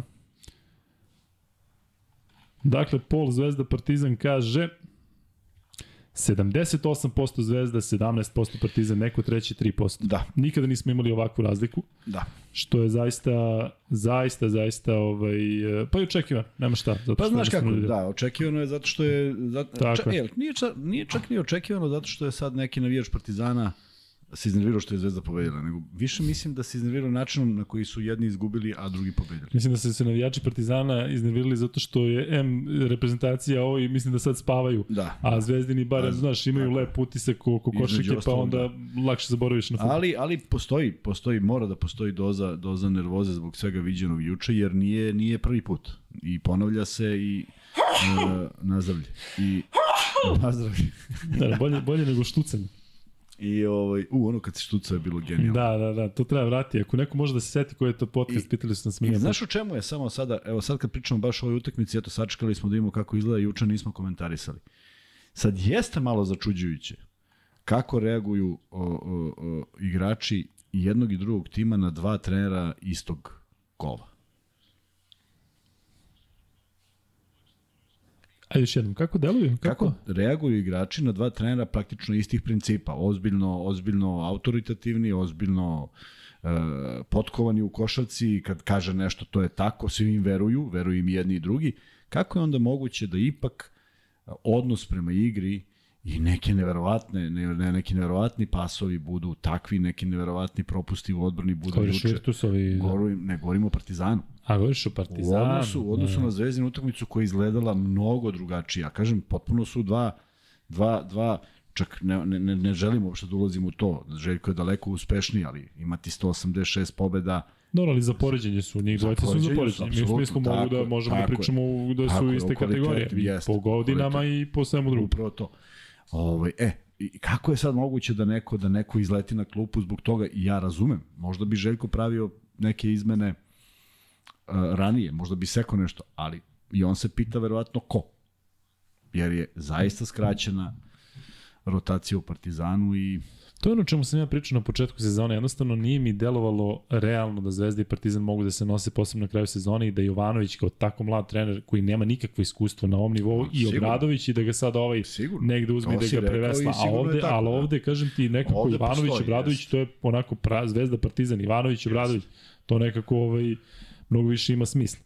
E, I nevjerovatno zaista kako se situacija Kuzma izmenila, pa za koliko, za Tako je. mesec dana. Sveća da smo pričali Partizan Gazi, tri pobede za redom, a Zvezda Kuburi i koliko je Partizan bio ispred na tabeli Tako i pogledaj sad. Da. Zvezda ima bolji skor. Evo ga, evo ga, Nikola Masoničić. Šta kažeš? 3.24 Rijad, 2 sata ispred vas. A Rijad. Nikola je slao, ja, da, je, Nikola, setio sam se, slao nam je one iz Rijada, iz kola. Aha, aha, e, da, da, da, Da, sad da. sam se setio, tako je. E, ništa čujem da, da ste, da ste, ali da je Saudijska Arabija, e, opet se vraćam na futbol, ali da Egipat, Grčka i Saudijska Arabija planiraju da organizuju svetsko prvenstvo 2030. godine. Odlično. Da, s tim što verovatno, znaš, ne bi moglo, Saudijska, Saudijska Arabija ne bi mogla samo, zašto ne može dve arapske zemlje tako brzo jedna s drugom, ali ovako ovaj e, Ko će ga znati? trio, to deluje zanimljivo. Mislim, da deluje zanimljivo da bude svetsko prvenstvo u Grčkoj, to možemo još kao mi To se plasiramo i ako odemo, idemo i kolimo. E, ništa, Kuzma, idemo dalje. Što se tiče igrača, prošli smo već nekoliko, dolazimo do Holanda koji je dao 5 pojena, nema skok, nema asistenciju, ali jedan od 1 za 2, jedan od 2 za 3. Je li bolje za Zvezdu i za njega to što Ivanović traži da on uzima više šuteva? Da, što jednostavnije da se oslobađa, da to budu pozicije. Dakle, on, ga, on neće aminovati šut kad on iđe zajedno sa svojim čovekom, to je sigurno, ali ove situacije koje on izabrao da šutne, jeste bio... Ali složit će se sad tipičan Amerikanac koga možeš da teraš, teraš da šutira. Obično trebaš malo da, da ih smiriš kao ajde malo da i ovamo. Ja ali mislim da je on u većem problemu što izađe zajedno sa svojim čovekom. Portorikanac, ali Amerikanac. Da, ali ja mislim da je on u većem problemu što izađe uvek zajedno sa svojim čovekom, pa nema Da. da. poziciju da šutne. Možda možda bi oni šutno, ali ovako je malo gluplje da šutne kad su zajedno izašli, pa ne znaš ko, ko u tom trenutku treba da šutne, jer su podjednako blizu lopte. Šalim se, ovaj, danas je bio konkretniji, danas se on trudio u odbrani, to se vidi, danas je e, preuzimao i sve to, ali bojim se da u svakom tom izlasku Zvezda će imati problem. Dakle, ili će on to da reši malo nekom čitanjem odbrane pa da se pojavi ispred ili, ili, ili neće rešavati pa će biti problema. I ne bih imao ništa protiv da on u toj konstelaciji kad ostane sa visokim zaista i može da napravi nešto, ne da bude po svaku cenu faul, nego da odradi dobar posao i da nekoga izbaci. Sa Mikijem to nije lako, vrlo je teško čuvati ga, da ne govorim sa višim igračima. Žajte nije moguće prosto, eto i Lazić koji je pokušao par puta pa je digo ruke, a, a mislim da se radi o čoveku koji ima nenormalnu snagu. Prema tome, Holland danas dobar u, u, službi ekipe, ali mora to drugačije, malo malo bolje. Um, Nedović, takođe 5 poena, e, skok i asistencija, međutim nije šutirao danas ništa. 2 od 3 za 2, 0 od 2 za 3. E, jel ti delo da je on apsolutno spreman da se podredi ekipi i da... Apsolutno. Dakle, apsolutno. ovo, ovo apsolutno nije oni Nedović iz Panatinikusa u smislu on je tamo ulazio čak i sa klupe, međutim kada uđe on jednostavno ima neku slobodu u igri koja je super za njega, ali se nekako ne uklapa. On šutne tri trojke u tranziciji i Tako nekako je. deluje malo divlje. Svi su bili ovde, tamo da pod, ovaj, ne, ne podređeni, nego svi da. su bili malo divlji, a ovde je to potpuno drugačije. U krajnjem slučaju, u moment kad je on na parketu, to ne ide uopšte loše. To što ne daje poena, on vezuje igrača na sebe. Defanzivno, ali ti deluje da Nedvić... Može, može, sasvim korektno. Sasvim korektno. Malo je pretero danas u faulovima i oslanjava se više na neki instinkt, nije uspeo da preseče neke lopte, nekad je morao da napravi faul, što je u redu. Ali, na primjer, njegov ulaz, koliko sa koliko iskustva i koliko osjećaja kad ulazi u, u putanju Mikija da ne može da, da reaguje i polaže levom rukom, to će u velikoj većini faul, situacija biti faul, on to zna da iskoristi i bez obzira na tih pet poena, veliki doprinos, kažem, iz prostog razloga što kad je na parketu, sa fokus je na njemu, mnogo je lakše neko drugom da igra, mnogo se lakše nađe neka akcija za nekoga od koga se u tom trenutku da. manje očekuje, prema tome vezuje, vezuje odbranu za sebe. E, Hasan Martin 4 poena, 3 skoka za 15 minuta, 2 od 3 za 2. Nekako Martin, e, i ranije smo ga komentarisali, ali nekako su vidljivije danas njegova 4 poena. Vidiš, primetimo ta dva ulaza što si ti rekao. Tako nekako je. on je primetniji na terenu, iako statistički to ne deluje mnogo drugačije od onog ne. perioda kada smo ga kritikovali. Ne, ali blokada u onom momentu kada je potrebno da, stvari koje se ne vidi, da. ispod koša nije primao lake poene, 4 poena u momentu kada je Uh, se traže poeni nekih drugih igrača, prema tome sve odradio kako treba. Onaj skok što je uzao Bentel kad su obojica uhvatili loptu kad je on pao, mislim, mogo je da bude pripisan i njemu, dakle, uh, vrlo je bitno da je bio na lopti, vrlo je bitno da nije ispadao iz odbrane, vrlo je bitno da je konkretan bio danas, prema tome, koliko igra minuta? Ne više od 10, a? 15. 15, dosta. Dobro. E, Petrušev, e, da li ti se čini da njegova minutaža je manja, 10 minuta igrao danas, 4 poena, jedan skok, dva put šutnuo, dva put pogodio, jednom, šu, jednom je do duše promašio trojku, ovo je bilo za dva. Sa mnogo osjećaja, sa mnogo osjećaja dao te poene, sa mnogo, sa mnogo energije ušao, jednu blokadu fantastičnu, prosto, prosto resetovo je i, i faktički omogućio Zvezdi da povede posle te blokade u, u, u nastavku akcije.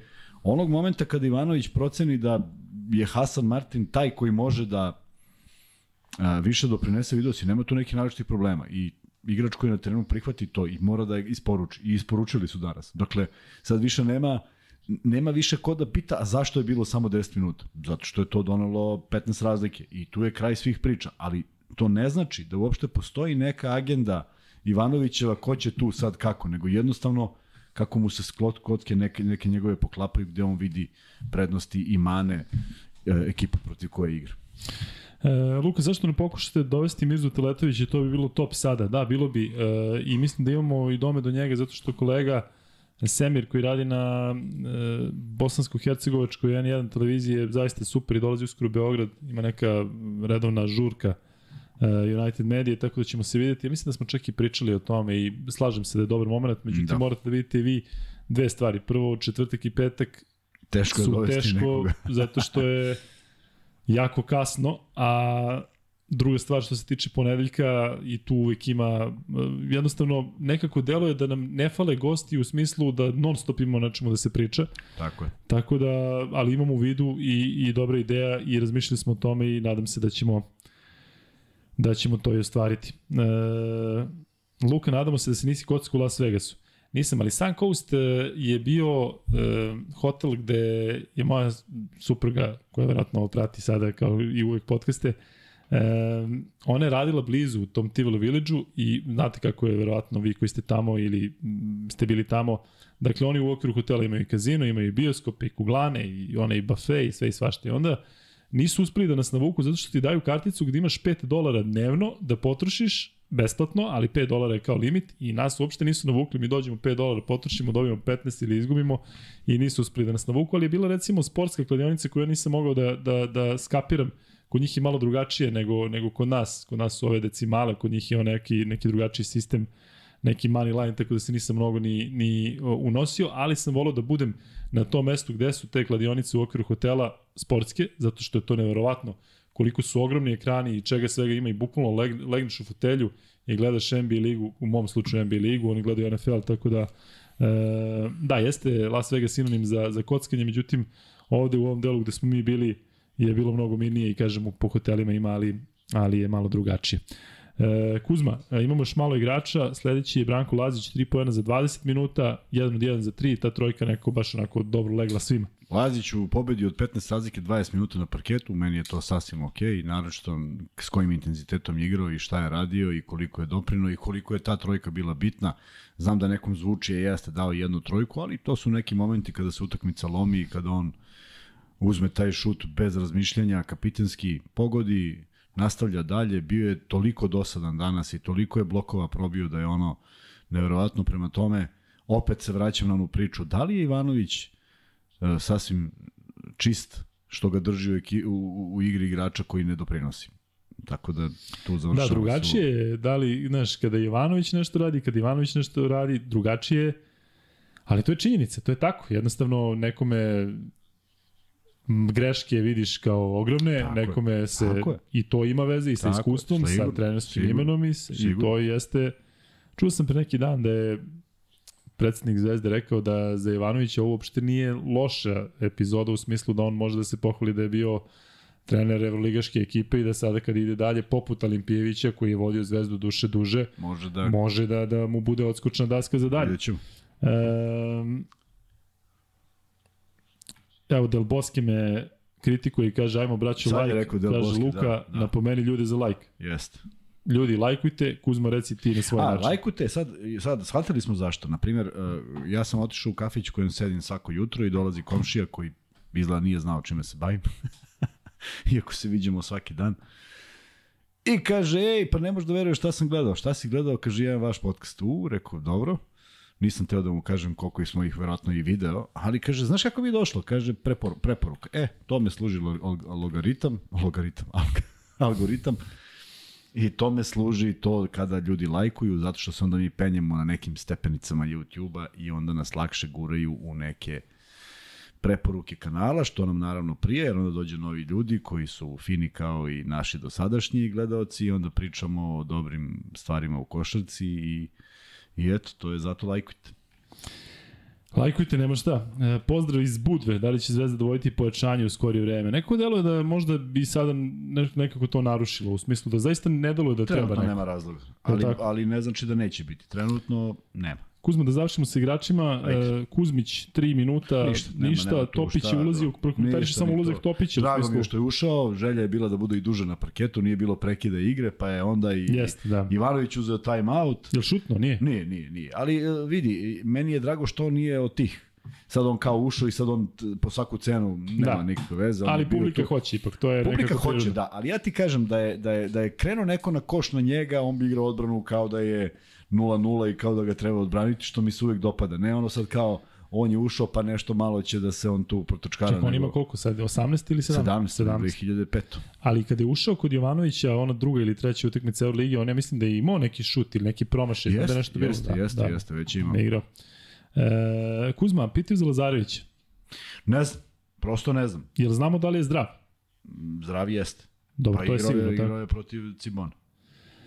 E, dobro, ovde neko komentariše i kaže kasnije mi snimak 20 sekundi, tako da nema šanse da se free bet pogodi, to stvarno nije do nas, izvini, vidiš da, da ljudi sa nekim boljim streamovima i boljim internetom uglavnom i dobijaju free betove. Hoćemo da ispucamo jedan free bet, Kuzma? Ajde, puci.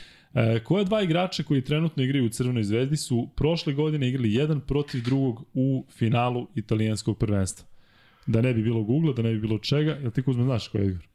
Nemam pojma šta si rekao. Nemaš pojma šta sam rekao ili ne znaš odgovor? ne znam. E, ništa, to je, dakle, pitanje je koja dva igrača koji su trenutno saigrači u Crnoj zvezdi su prošle godine igrali u finalu italijanskog prvenstva, jedan protiv drugog i ko prvi odgovori dobija prvi free bet. E, Marko Topalović isto kaže like, like, like. Marko, ti si najavio da će doći sutra, e, bit će mi drago da se vidimo ponovo. Ilija Živodinović je bio prošli put kada smo se e, družili, pa eto, možeš i sutra da svratiš. Pitaju te, Kuzma, da li si nekad igrao u Bijeljini? Da li sam igrao? Da. Nisam. Kaže, kome Luka kaže da je Kanta, taj se povampiri. Pa kome sam ja još rekao da je Kanta? Pa samo italijani, ne znam da se da, nekom rekao. Bilo je još nekih e, Kanti, pa verovatno, kad ja kažem da je Kanta, vi igrate na njih u kladionici, to je najbolji, najbolji poziv. Ivanović je našao ulogu za svakog igrača i našao način kako da svaki doprinese. Dok Željko igra sa 7 igrača po 35 minuta i čudno mu, se, čudno mu je što mu se povređuju. Zaista je velika razlika u, u raspoređ, ras, raspoređenju minutaža. Tako, što ima i veze sa, sa povredama, ali opet sa druge strane nekako smo navikli da Lesora vidimo da igra ili 40 minuta ili što igra 10 minuta protiv Reala. Nekako mm, Jeste, ali, ali, ali složit ćeš se da Roviti Smajlagić, da nepostojanje uh, uh, Avramovića i faktički na klupi su Andjušić kao ipak igrač koji nije igrač zadatka i nije igrač uh, koji treba sada poveća snagu odbrane. Uh, Trifunović, aj samo da uzmemo njih. Trifunović, Tristan Vukčević i Ašćerić. Ašćerić. Andjušić. Neverovatno. Si igrao protiv Ašćerića? Uh, jes. Da, on je sada, mislimo na ovo što vodi u Banovcima, tako? Ne, Ašćerić je... Pa ne, ne. Ne, on je igrao u Austriji tamo svoje vremeno. Je tako? Da, da. Nema veze sa to. Pusti da Ašćerića, molim. Pa ti si ga pomenuo, če ja da pustim. Andjušić sam rekao. Ajde sad da uzmemo njih trojicu i da uzmeš uh, Stefan Marković, Lazić i nađi trećeg. Trećeg tog koji je, koji je to. E, to je problem. Jer će svaki od ovih pet igrača koji su tu sa strane, koji imaju, da kažem, drugačije zadatke, mnogo će moći lakše mnogo da igraju. S kim god su u petorci. Evo Delboski kaže, evo od kad sam dao podršku da se lupi like, skupilo se 30 lajkova. Pa, bravo Delboski. Bitno, kad bude pitanje o free betu, tad će svi da skoče. Šta da radiš? Pa dobro, tu se nešto deli ovde, ne? Kaže, Lala spavaju ljudi, ovo podcast ide u pozadini. Da, ja volim da pustim nekada podcast, ne, naravno ovaj, ali ovaj... Šta šta? Da isključim zvuk na laptopu? Da, da li si isključio? Jesam, jesam. Što? Nešto se čulo pozadnje, možda je Kuzma. E, Kuzma, yes, Kuzma je sigurno, da. Kuzma voli da pušta ovde muziku na YouTube-u dok yes, ja pričam. Dok, dok. E, Gledam film. Kažu Delboski da uzme procenat od zarade zbog lajkova. E, I kaže Delboski, ne treba nikakav procenat, veliki smo srećnici što imamo priliku slušati ova dva gospodina. Ljudi, vi ste stvarno fenomenalni, ja ne znam kako da vam objasnim. I onda kad neko počne neki malo blesaviji komentar, baš ispada iz e, onako... Ispada glupo društvo, to se kaže u, u seriji Grlom u jagode. Tako je, i onda nekako se nuklapu se ovo. Ja bih zaista volao da kada se, a sada već ide taj period, i već smo ušli u taj period, kada dođe do baš ozbiljnog uh, duela između Zvezde i Partizana, odnosno kada se sve ovo rasplamsa, da ne bude nekih neprijatnih prozivki. Dakle, uh, E, imamo primjer recimo Crnog grobara koji je, zaista vidim u njemu da je mnogo vatren, vidim kako, kako besno nekada odreaguje kad Partizan igra i vidim da Crni grobar se javlja i kaže da je na putu za Banja Luku, ali nekako mi on e, i mnogi vas koji pišu ovde pravi taj tip navijača, jednostavno obožavate svoj klub, ne pocenjujete drugi, bavimo se činjenicama, nema potrebe za nekim prozivkama i sličnim, zato što zaista ne uklopa se u celu ovu priču. E, tako da, e, daj da nastavimo što kaže Delboski, gospodski i korektno, sportski pre svega. E, Kuzma na startu emisije kaže da su ga neki kritikovali zbog hvaljanja zvezde. Ja imam skroz kontra utisak da na ovom podcastu dosta više veliča partizan. Što je veliča partizan? Pa znaš kako, možda i logično, zato što ja mogu da budem objektivniji i, i malo, malo da budem kritičniji prema zvezdi. I to je potpuno normalno. Zato što e, navijaš Partizana i ja nikada nećemo moći da damo istu ocenu. Jer u jednom momentu i da pričamo iste stvari, on će reći kako ti to možeš da kažeš. To je da. potpuno da. razumljivo. Tako da ja, meni je to potpuno normalno. I ja hoću da zaštitim integritet tih igrača i nemam protiv da pričam nešto što zaista mislim, što, što mogu da argumentujem, da li se nekom dopada ili ne, to je druga stvar, ali ja zaista želim i da budem kritičniji prema Zvezdi, jer mislim da na to imam više prava. Da, vidio sam ovde jedan dobar uh, komentar koji je napisao stop. Evo ga. Luka, najveća razlika između Zvezde i Partizana je trenutno to što kod Duška mora da se igra odbrana da bi bio na terenu, a u Partizanu nema ko da uđe, igra odbranu ili igrači to ne koriste. Mislim da si u pravu. Da, ovde zaista deluje da je odbrana prioritet i da kada ispadneš iz Ispadneš odbrane, iz odbrane, možeš sam da odiš, kreneš tako na je, klupu. slobodno, Tako. Pa da, A pritom nije sada to da će neko da te budra šamarima, nego jednostavno ne. da znaš da sledeći put kada uđeš da I, i iskoristiš svoje sad ti hoćeš da igraš više, onda igraš više. Ali šta uradiš? Ispravio si sve to što treba da ispraviš. Um, Slažem se s ovim, to hoću da kažem. Uh, uh, najveći, da, to je najveća razlika. Cela, cela priča se svodi na to i samo iznenađenje u celoj toj priči, uh, a siguran sam da postoji razlog, koji možda mi ne vidimo ili mogu da ga naslutim, ali ne mogu da ga znam, zašto je Željko odustao od tog principa, a uvek je u svojim ekipama igrao i on izuzetno odbranu. Ali ima smisla sada nešto menjati. Sad odjednom se, što se tiče stila, ajde sad da probamo ovako, zato što, evo ti si konkretno, to dobro pamtim, si dao kao primjer onu prvu četvrtinu protiv Baskonije, bio to meč na ogroman broj poena, ali je prvu četvrtinu Partizan iskontrolisao dobrom odbranom. Tako je. Jel misliš da sada treba, da li dobro da se sada neke stvari menjaju i da sada recimo... Ja sam mislio da će već da se menjaju. Kad primiš 3-4 puta 100 poena, a treba da daš 105, evo, evo Real je opet postigao na gostujućem terenu opet preko 90 poena. A ti si otišao na njihov teren da se nadigravaš. Sve je to lepo, ali da li je i, i dovoljno za pobedu? Tako da ja bih, ja bih uvek birao ovaj, odbranu kao opciju, znam da može da pomogne mnogo, znam da ti da stičeš samopouzdanje kroz to, znam da nerviraš protivnika kroz to i znam da možeš da e, drugačijim putem dođeš do... Vola bi da Partizan uspori, u smislu da ne igra toliko brzo da bi pobedio neku i da bi bio bliži pobedi, ali to je zaista na, na, na Željku Obradoviću i uopšte na igračima i na, i na koncepciji ekipe kako ima. Ja mislim da Exum ne može da igra sporo. On prosto traži da... Ja mislim da Panter odgovara da bude što brže. Neki, neke njegove odluke na utakmici su izazvale pravu buru na, na, na, na društvenim mrežama zato što su zaista nedopustive za taj nivo košarke, tako da a, ne, ne znam, ne znam koji je recept, ali nešto, nešto Partizan mora da uradi da bi uh, da bi da bi bio konkurentniji jer ovo je sada već ozbiljno dug niz. Uh, ne poraza, nego nego istih istih ponavljanje istih grešaka. Partizan da. ist, na isti način gubi utakmice. E, Luka, li bilo priča o Shea Cottonu kad si bio u Alabama, odgledao sam nedavno dokumentarac Manchild, vidim da generalno mnogi žale što nikad nije zaigrao u NBA. Pa znaš šta, nije bilo zato što je on došao to kratko u Partizan, a ja sam posle toga otišao, do duše on je bio na univerzitetu Alabama koji se nalazi u drugom gradu u odnosu na ovaj gde sam ja bio. I koliko znam, ve- verovatno mi se pričalo više da je momak iz Alabama, ali koliko, koliko se sećam, on je negde iz nekog kvarta u Los Angelesu. Uh, šta je? Iz kvarta nekog, da. Da, da, pa mislim da je, da je negde iz, iz baš onog LA South Side, South Central ili tako nešto, Inglewood neki. E, tako da znam o kojem pričaš, nisam gledao taj dokumentarac, ali mogu bi da pogledam. E, Kuzma, a hajde sad još malo da, da popričamo samo o Zvezdi pre nego što pređemo na ono što čekaju jedni i drugi u, u e, ABA ligi. Koliko je... Gde su mi bili ovi free betovi, Vanček? Odgovaraju i ljudi ti ništa. A? Odgovaraju ljudi. Pa nema ništa, ne piše ništa. Zato što si mnogo otišao gore na komentarima. Nema nigde nisam prošao, života mi. Mnogo si daleko komentarima gore. A. Pa što ne kažeš Vanček da taj free bet koji treba da podelimo, da, da ga podelimo već. Šta smo uopšte pitali? E, a, ako Kuzmo pogodi free bet, ko, koji smo pitali? Dakle, ja, znam se, sutra vam u štabu radim šta Ko je- Kuzma kaže. Koje je Jel si vidio ko je? Samo kaže ko je odgovor. Ne govori odgovor, Odgovor ne govori Benco odgovor. Marković. Ivan. Ivan? Nicin, Nićin. Ivan Nićin, Nićin, jeste, dečko se preziva Nićin. Nićin, Ivan Nićin, e, neka pošalje Ma- Max Bet ID na Jesi stigao?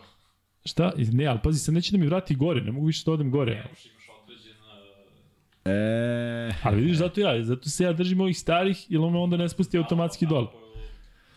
Hode sve. Jeste. E, Kuzma, do kad Zvezda može da očekuje da igra ovako ili da još podiže formu? Koliko je ovo održivo na duže staze u smislu da se ovakav ritam i sve održi tokom cijela sezona? Čekaj, rekao si Bentil Marković. Da. Ali Marković nije bio prošle godine u Virtusu. Nego? Pa tako pišu, sad ne znam. Ba počeo on prošle godine Vitus. Kažu, Ne pitaj mene, ne znam šta si pitao. kažu da Marković nije bio u Virtusu prošle sezone. Dobro, pogrešio sam, uh, ne, neko ovde napisao Luka Brka godine, jeste da, ali zato što sam setio da on došao, nije, nije počeo, počeo prošlu godinu ovo. Bentley Marković je uh, odgovor, sad nije baš tačan, ali odgovor za ovo, tako Tražen da... odgovor je Bentil i Marković. Jonićin, da. E sad, što pitanje nije bilo dobro. Da, što ne gledam, verovatno jedan pred druga. Ako je Bentley bio jednu sezonu normalno, nikad nisu igrali jedan pred druga tamo. Nisu, ali, ali Bentil i Marković. Znate na što mislim. Tako, a vidim da ste svi odgovorili Bentley Marković. Tako I ne da, zamerite pola tri. Da, ne zamerite zaista. E, Kuzma, Zvezda, do kad može ovako? Zvezda, uh, o, o, ne znam do kad može, i ovo je, i ovo je jedna ozbiljno dobra serija, koja se menja, pobede više nisu na pola koša, ova danas je bila izuzetna, što ne znači da sledeća utakmica protiv Partizana spada u kategoriju utakmica koje će biti na, za, na bilo koji način lake, naprotiv.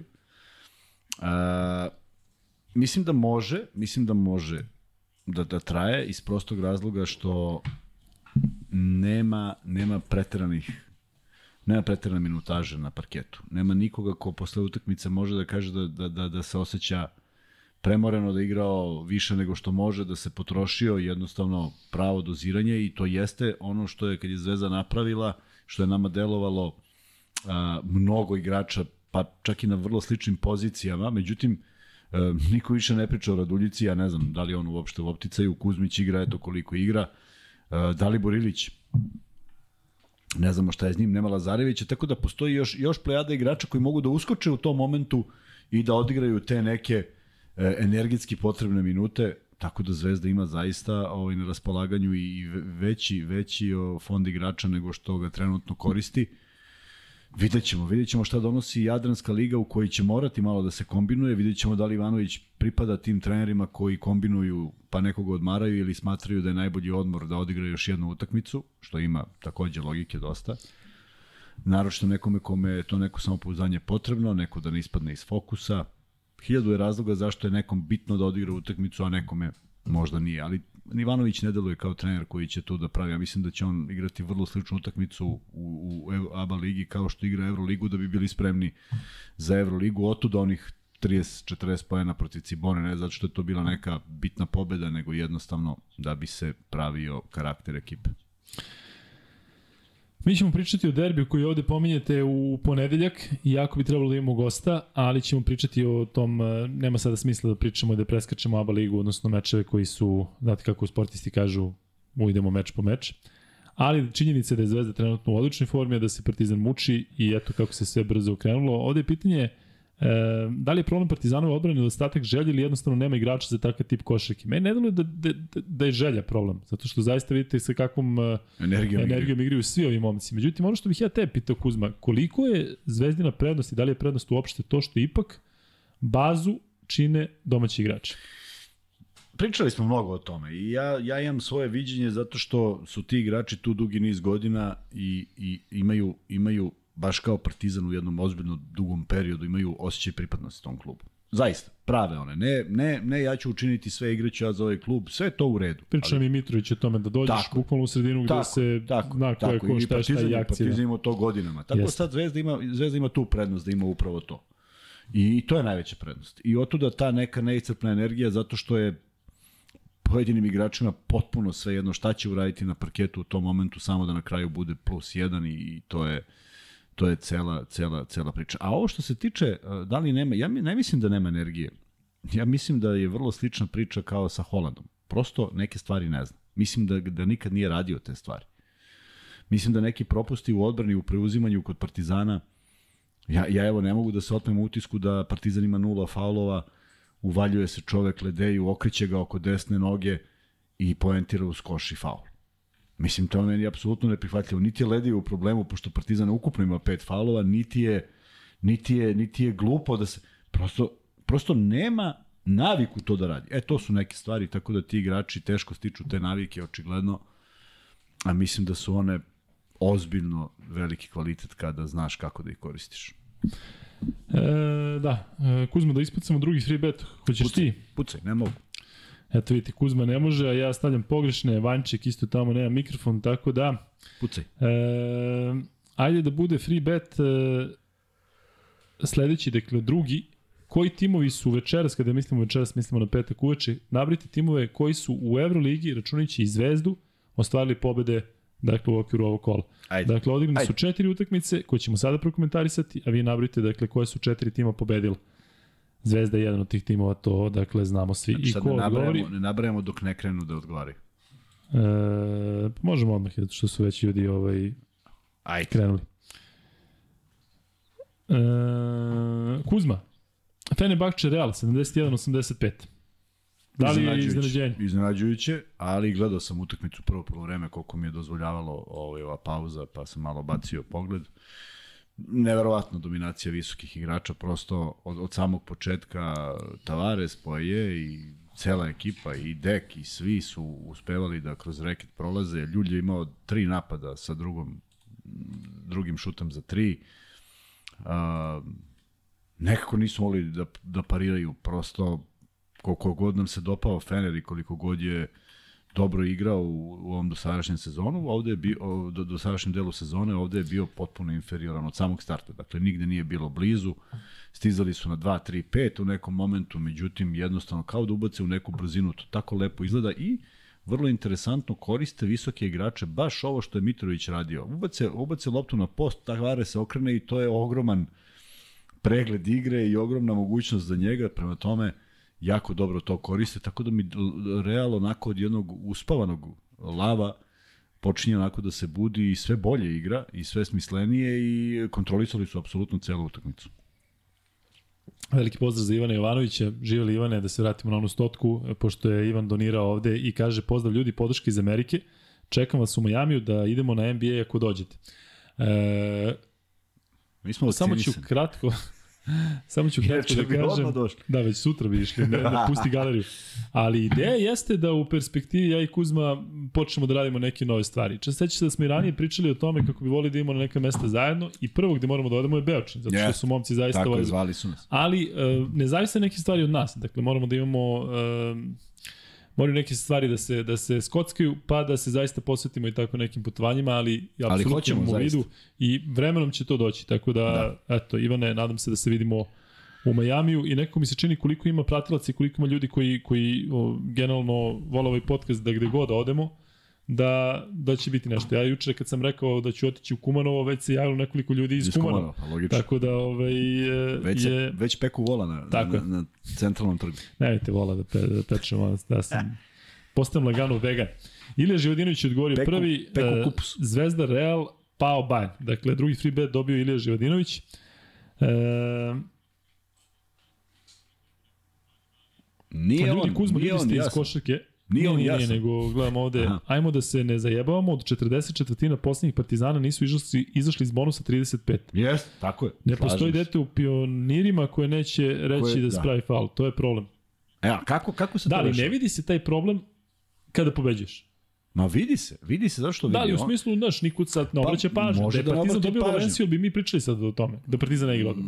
Da, ja mislim da da. Ti ja da, ali da li Pa, bilo ovde sada ja, generalno to... Vidi, vidi ima, ima tu dosta ljudi koji poznaju. Rekao sam ti onaj detalj kada, kada je napravio nošenu, pa kako je publika kao jedan reagovala prema tome. Znaju oni o tome.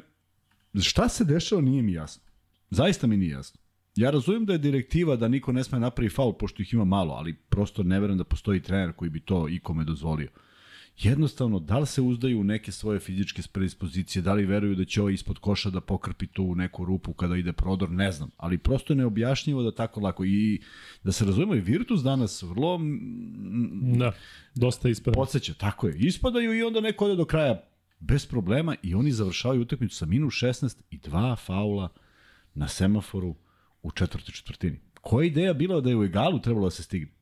Jer, e, znaš koji problem postoji kad si sa dva faula treba stižeš rezultat? Treba napraviti još dva.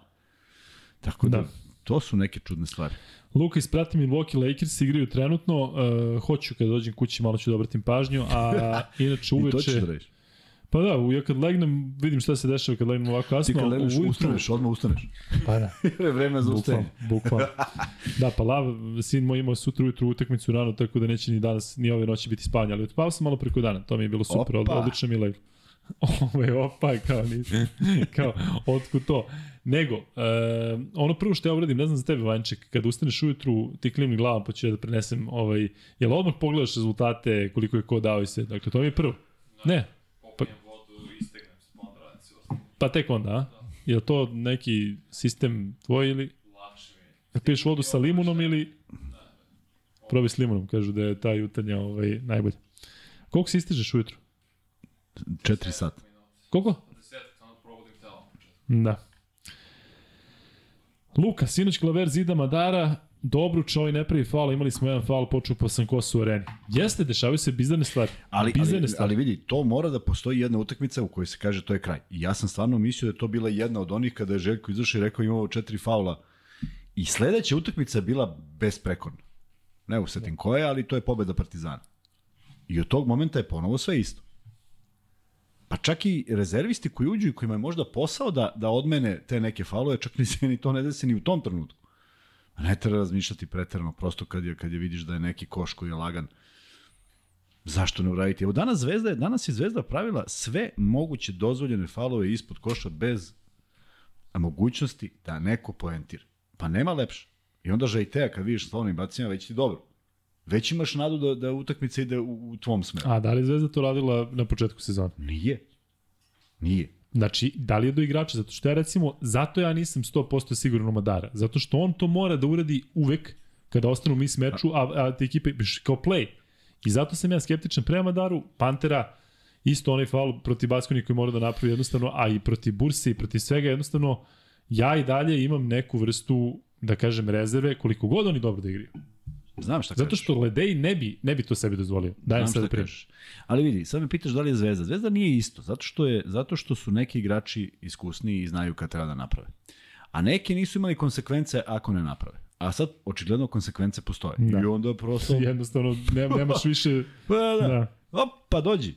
Nisi teo, pa dođi vamo, sad i družimo Tako se ovde. Tako da, vrlo jednostavno. E,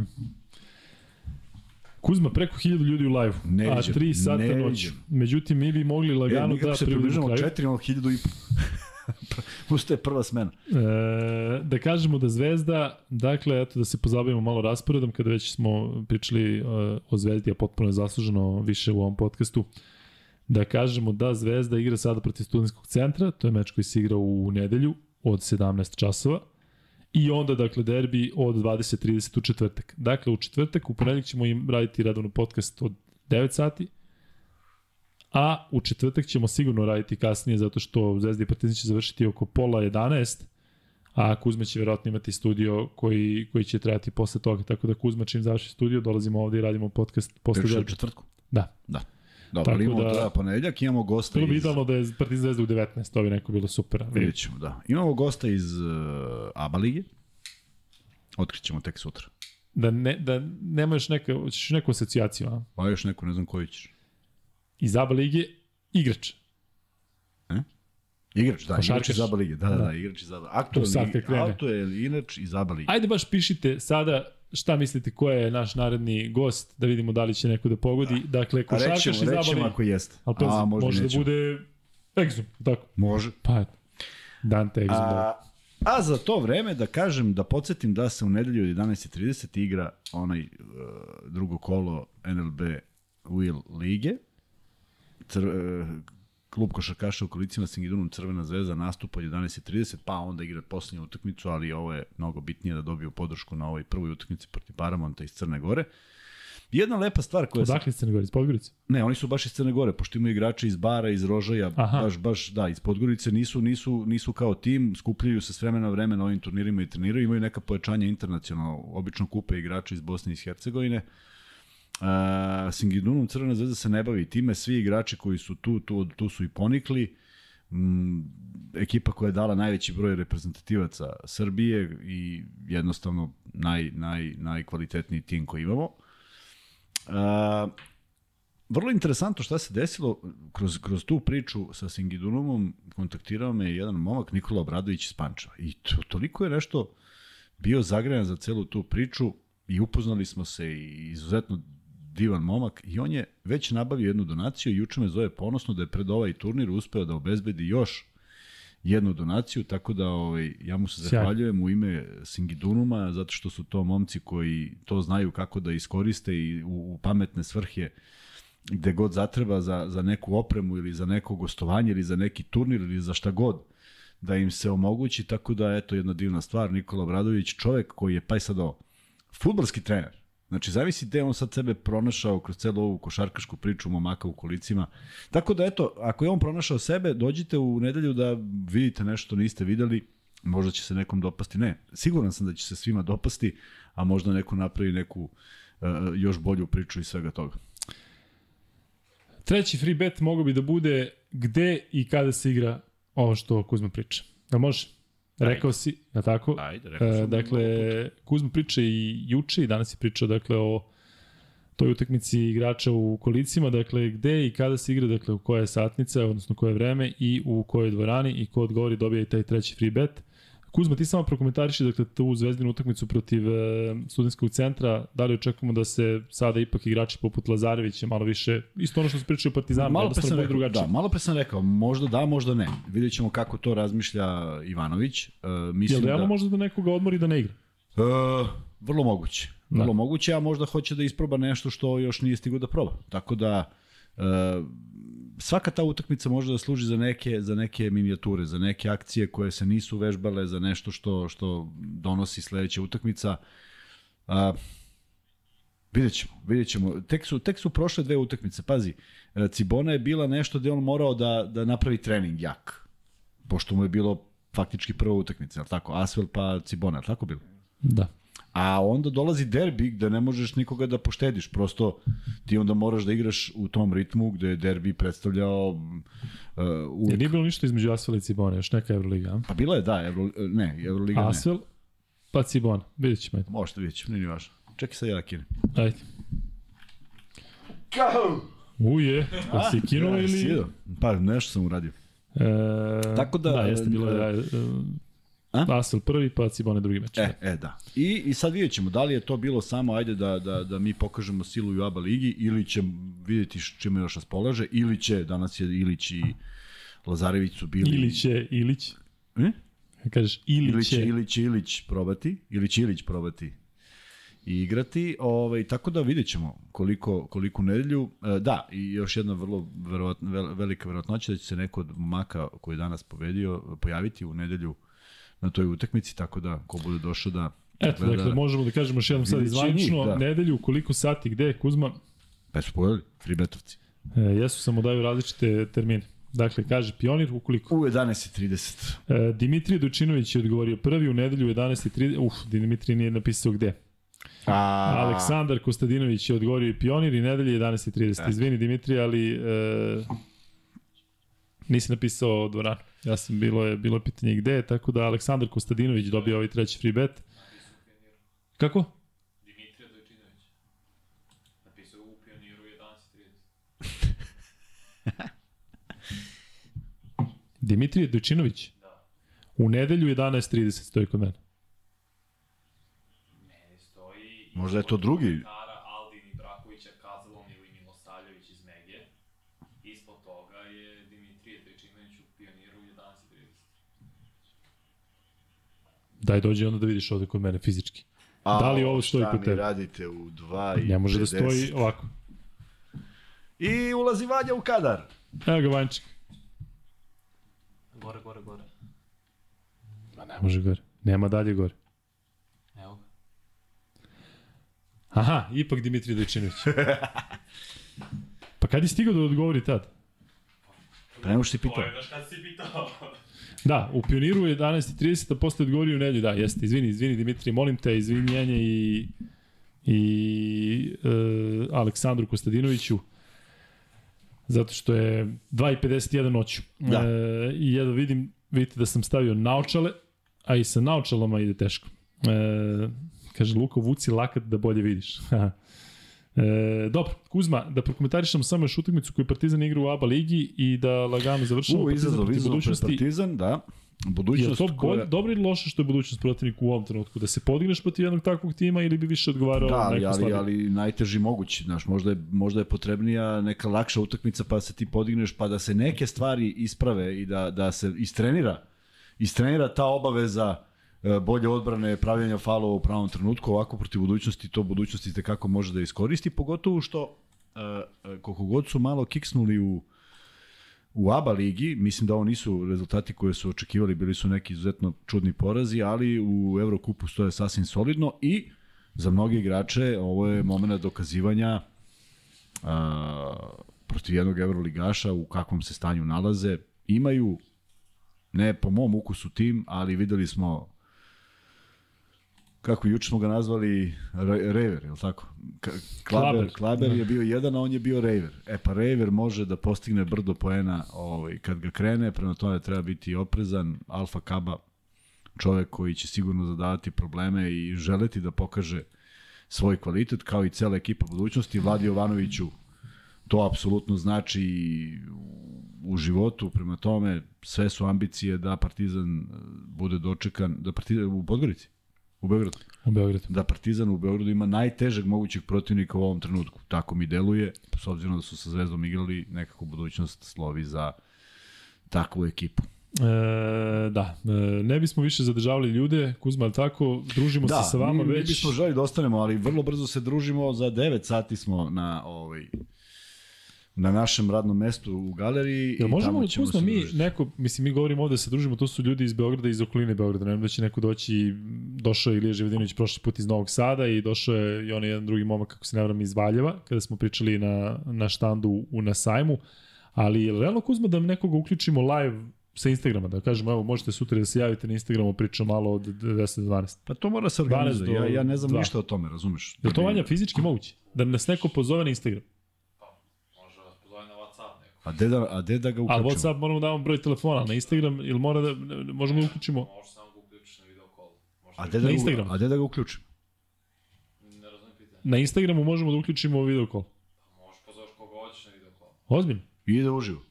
Gde uživo, Pa. pa. uživo. Pa u šta uživo, to te pitam. Koga? Zovemo Ne uživo, se. nekome kažemo zovite nas sutra na video call. I sad ovaj što je u Melbourneu, koji ne može da dođe sutra u ovo, kaže "Jel mogu da zovem za 5 minuta, ja i ti se sa njim čujemo preko video kola Instagram.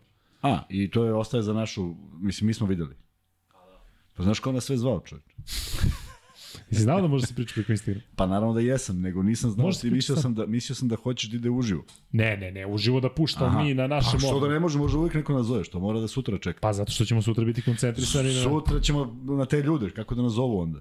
Da si Pa ovi ti dođu sa svi. njima, a ja ovako A, ili važi. obrnuto. Da. Nemojte Ili sutra. da uključimo. Možete bilo kada, samo nemojte sutra. Ne, kažem, samo je malo, znaš, ipak je usko, dođite sutra se družimo, imaš ljude ovde iz Crne Gore, iz uh, Leskovca, da dođe sutra u... Pa slažem se, ali ovde je ideja, mi kad budemo krenuli po Tour de Srbija i region, onda ćemo da javljamo ljudima. Ovako sada... Pozvao nas je neko i u Toronto da dođemo, da je sve, ja mislim u Toronto ako odemo da će da bude uh, lom.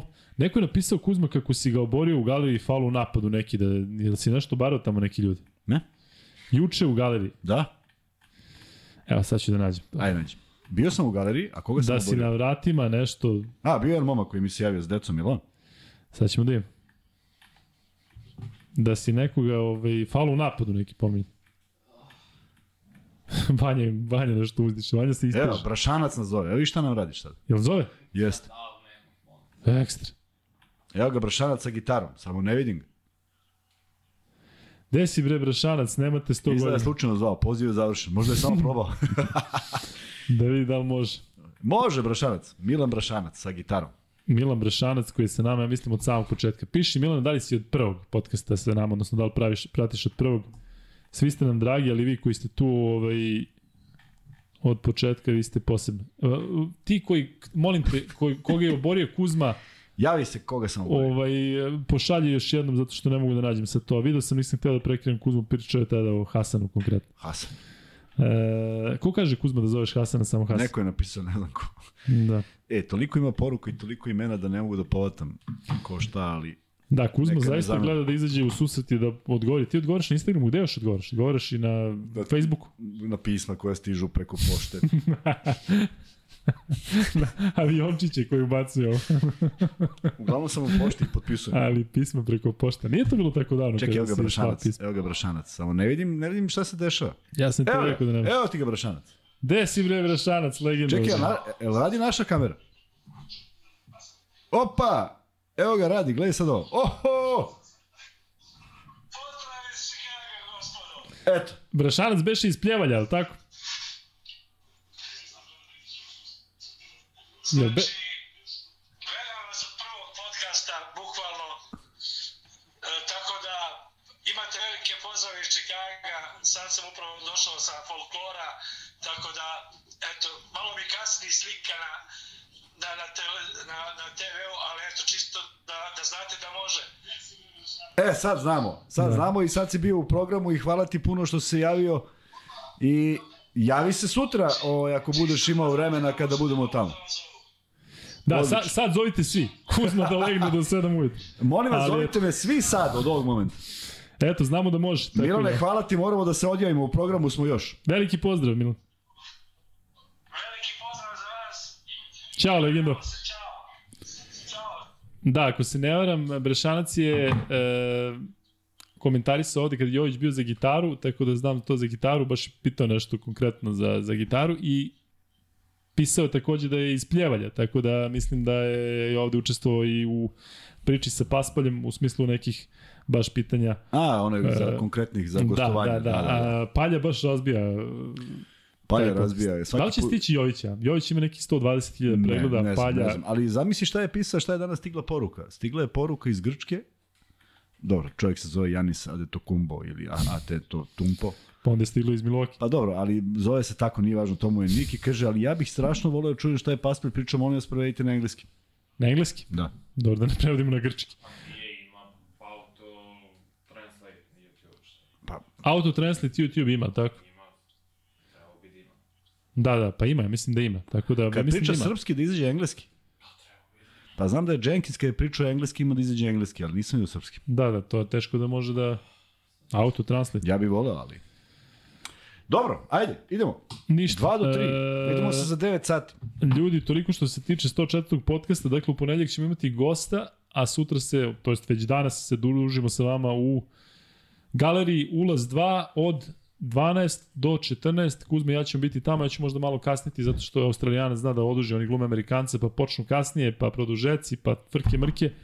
Ali u svakom slučaju bilo je super i sa vama sada, u sred noći eto e, preko 1000 ljudi u live-u i zato vam hvala, tako da nema šta. Kuzma, nešto za kraj? Nemam ništa. Hvala svima. Koliko ima još ljudi? E, Malo sad manje od 1000, pošto već... Svaka smo- čast, svaka. Neverovatno. Hvala vam puno. Ispla, ne, zaista smo sa velikim zadovoljstvom došli, bez obzira što je bilo najkasnije do sada, ali negde sam verovao da će biti ovoliko ljudi i nama je onako veo, veliko zadovoljstvo da smo proslavili makar ovu pobedu Zvezde. Žao mi je što nismo mogli više da pričamo o futbalu, to jest uopšte da pričamo o futbalu, a potpuno razumem zašto nismo, ali bit će prilike valjda a i nekako mi se čini da nikako ne ide zajedno ta dva sporta da budu pobede.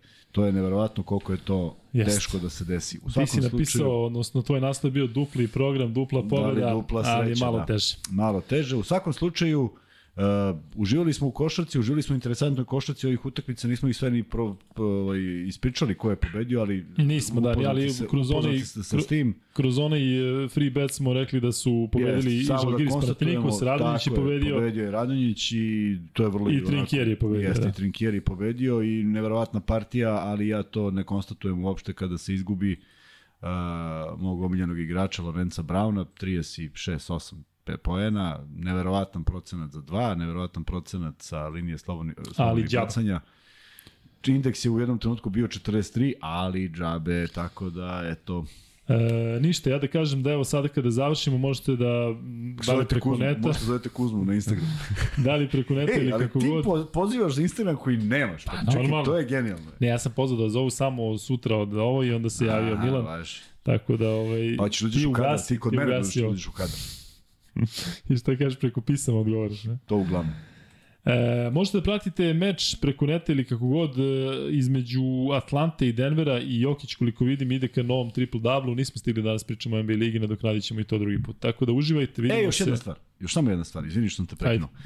Uh, potrudit ću se sutra da stavim linkove za, za stream sa utakmica s Ingidunom Crvene zvezde. Da Ko ga staviš u, u, podcast, u opis da. da. podcasta, da. Stavit ćemo, mislim, samo ne znam- link. Samo link, da. Da. Ali da ko ne može da dođe da pogleda kako to izgleda. Da. Tako da objavit ću i negde naknadno, stavit ćemo napomenu, ali bit će u opisu, Ti ćeš tamo biti u kojoj ulozi?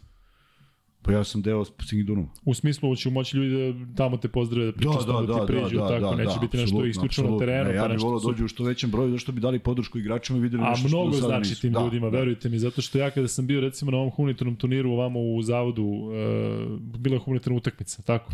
Dakle, tim ljudima mnogo znači Kako zato što da ne, se što toliko više trude, da, dakle, to da, je- eto, zaista možete, eto, e, stalno vam govorimo podržite nas lajkom, podržite nas Paypal, ovde četovi, Patreoni, ali eto, mislim da bi mogli da nas podržite i na taj način, odnosno ovo što Kuzma zaista već dugi niz godina radi u tom svetu igrača u kolicima, tako da još jednom Kuzma nedelja, 11.30. Počinje utakmica, Pionir, tako je. odnosno dvorana Aleksandar Nikolić, Tako dođite malo ranije i Kuzma će biti tamo, ja ako ne radim možda ću ja da dođem, tako da eto, vidimo se u galeriji, vidimo se u pioniru i svaki dan, dakle smo sa vama u vidimo. ponedeljak se vidimo u podcastu. Ćao!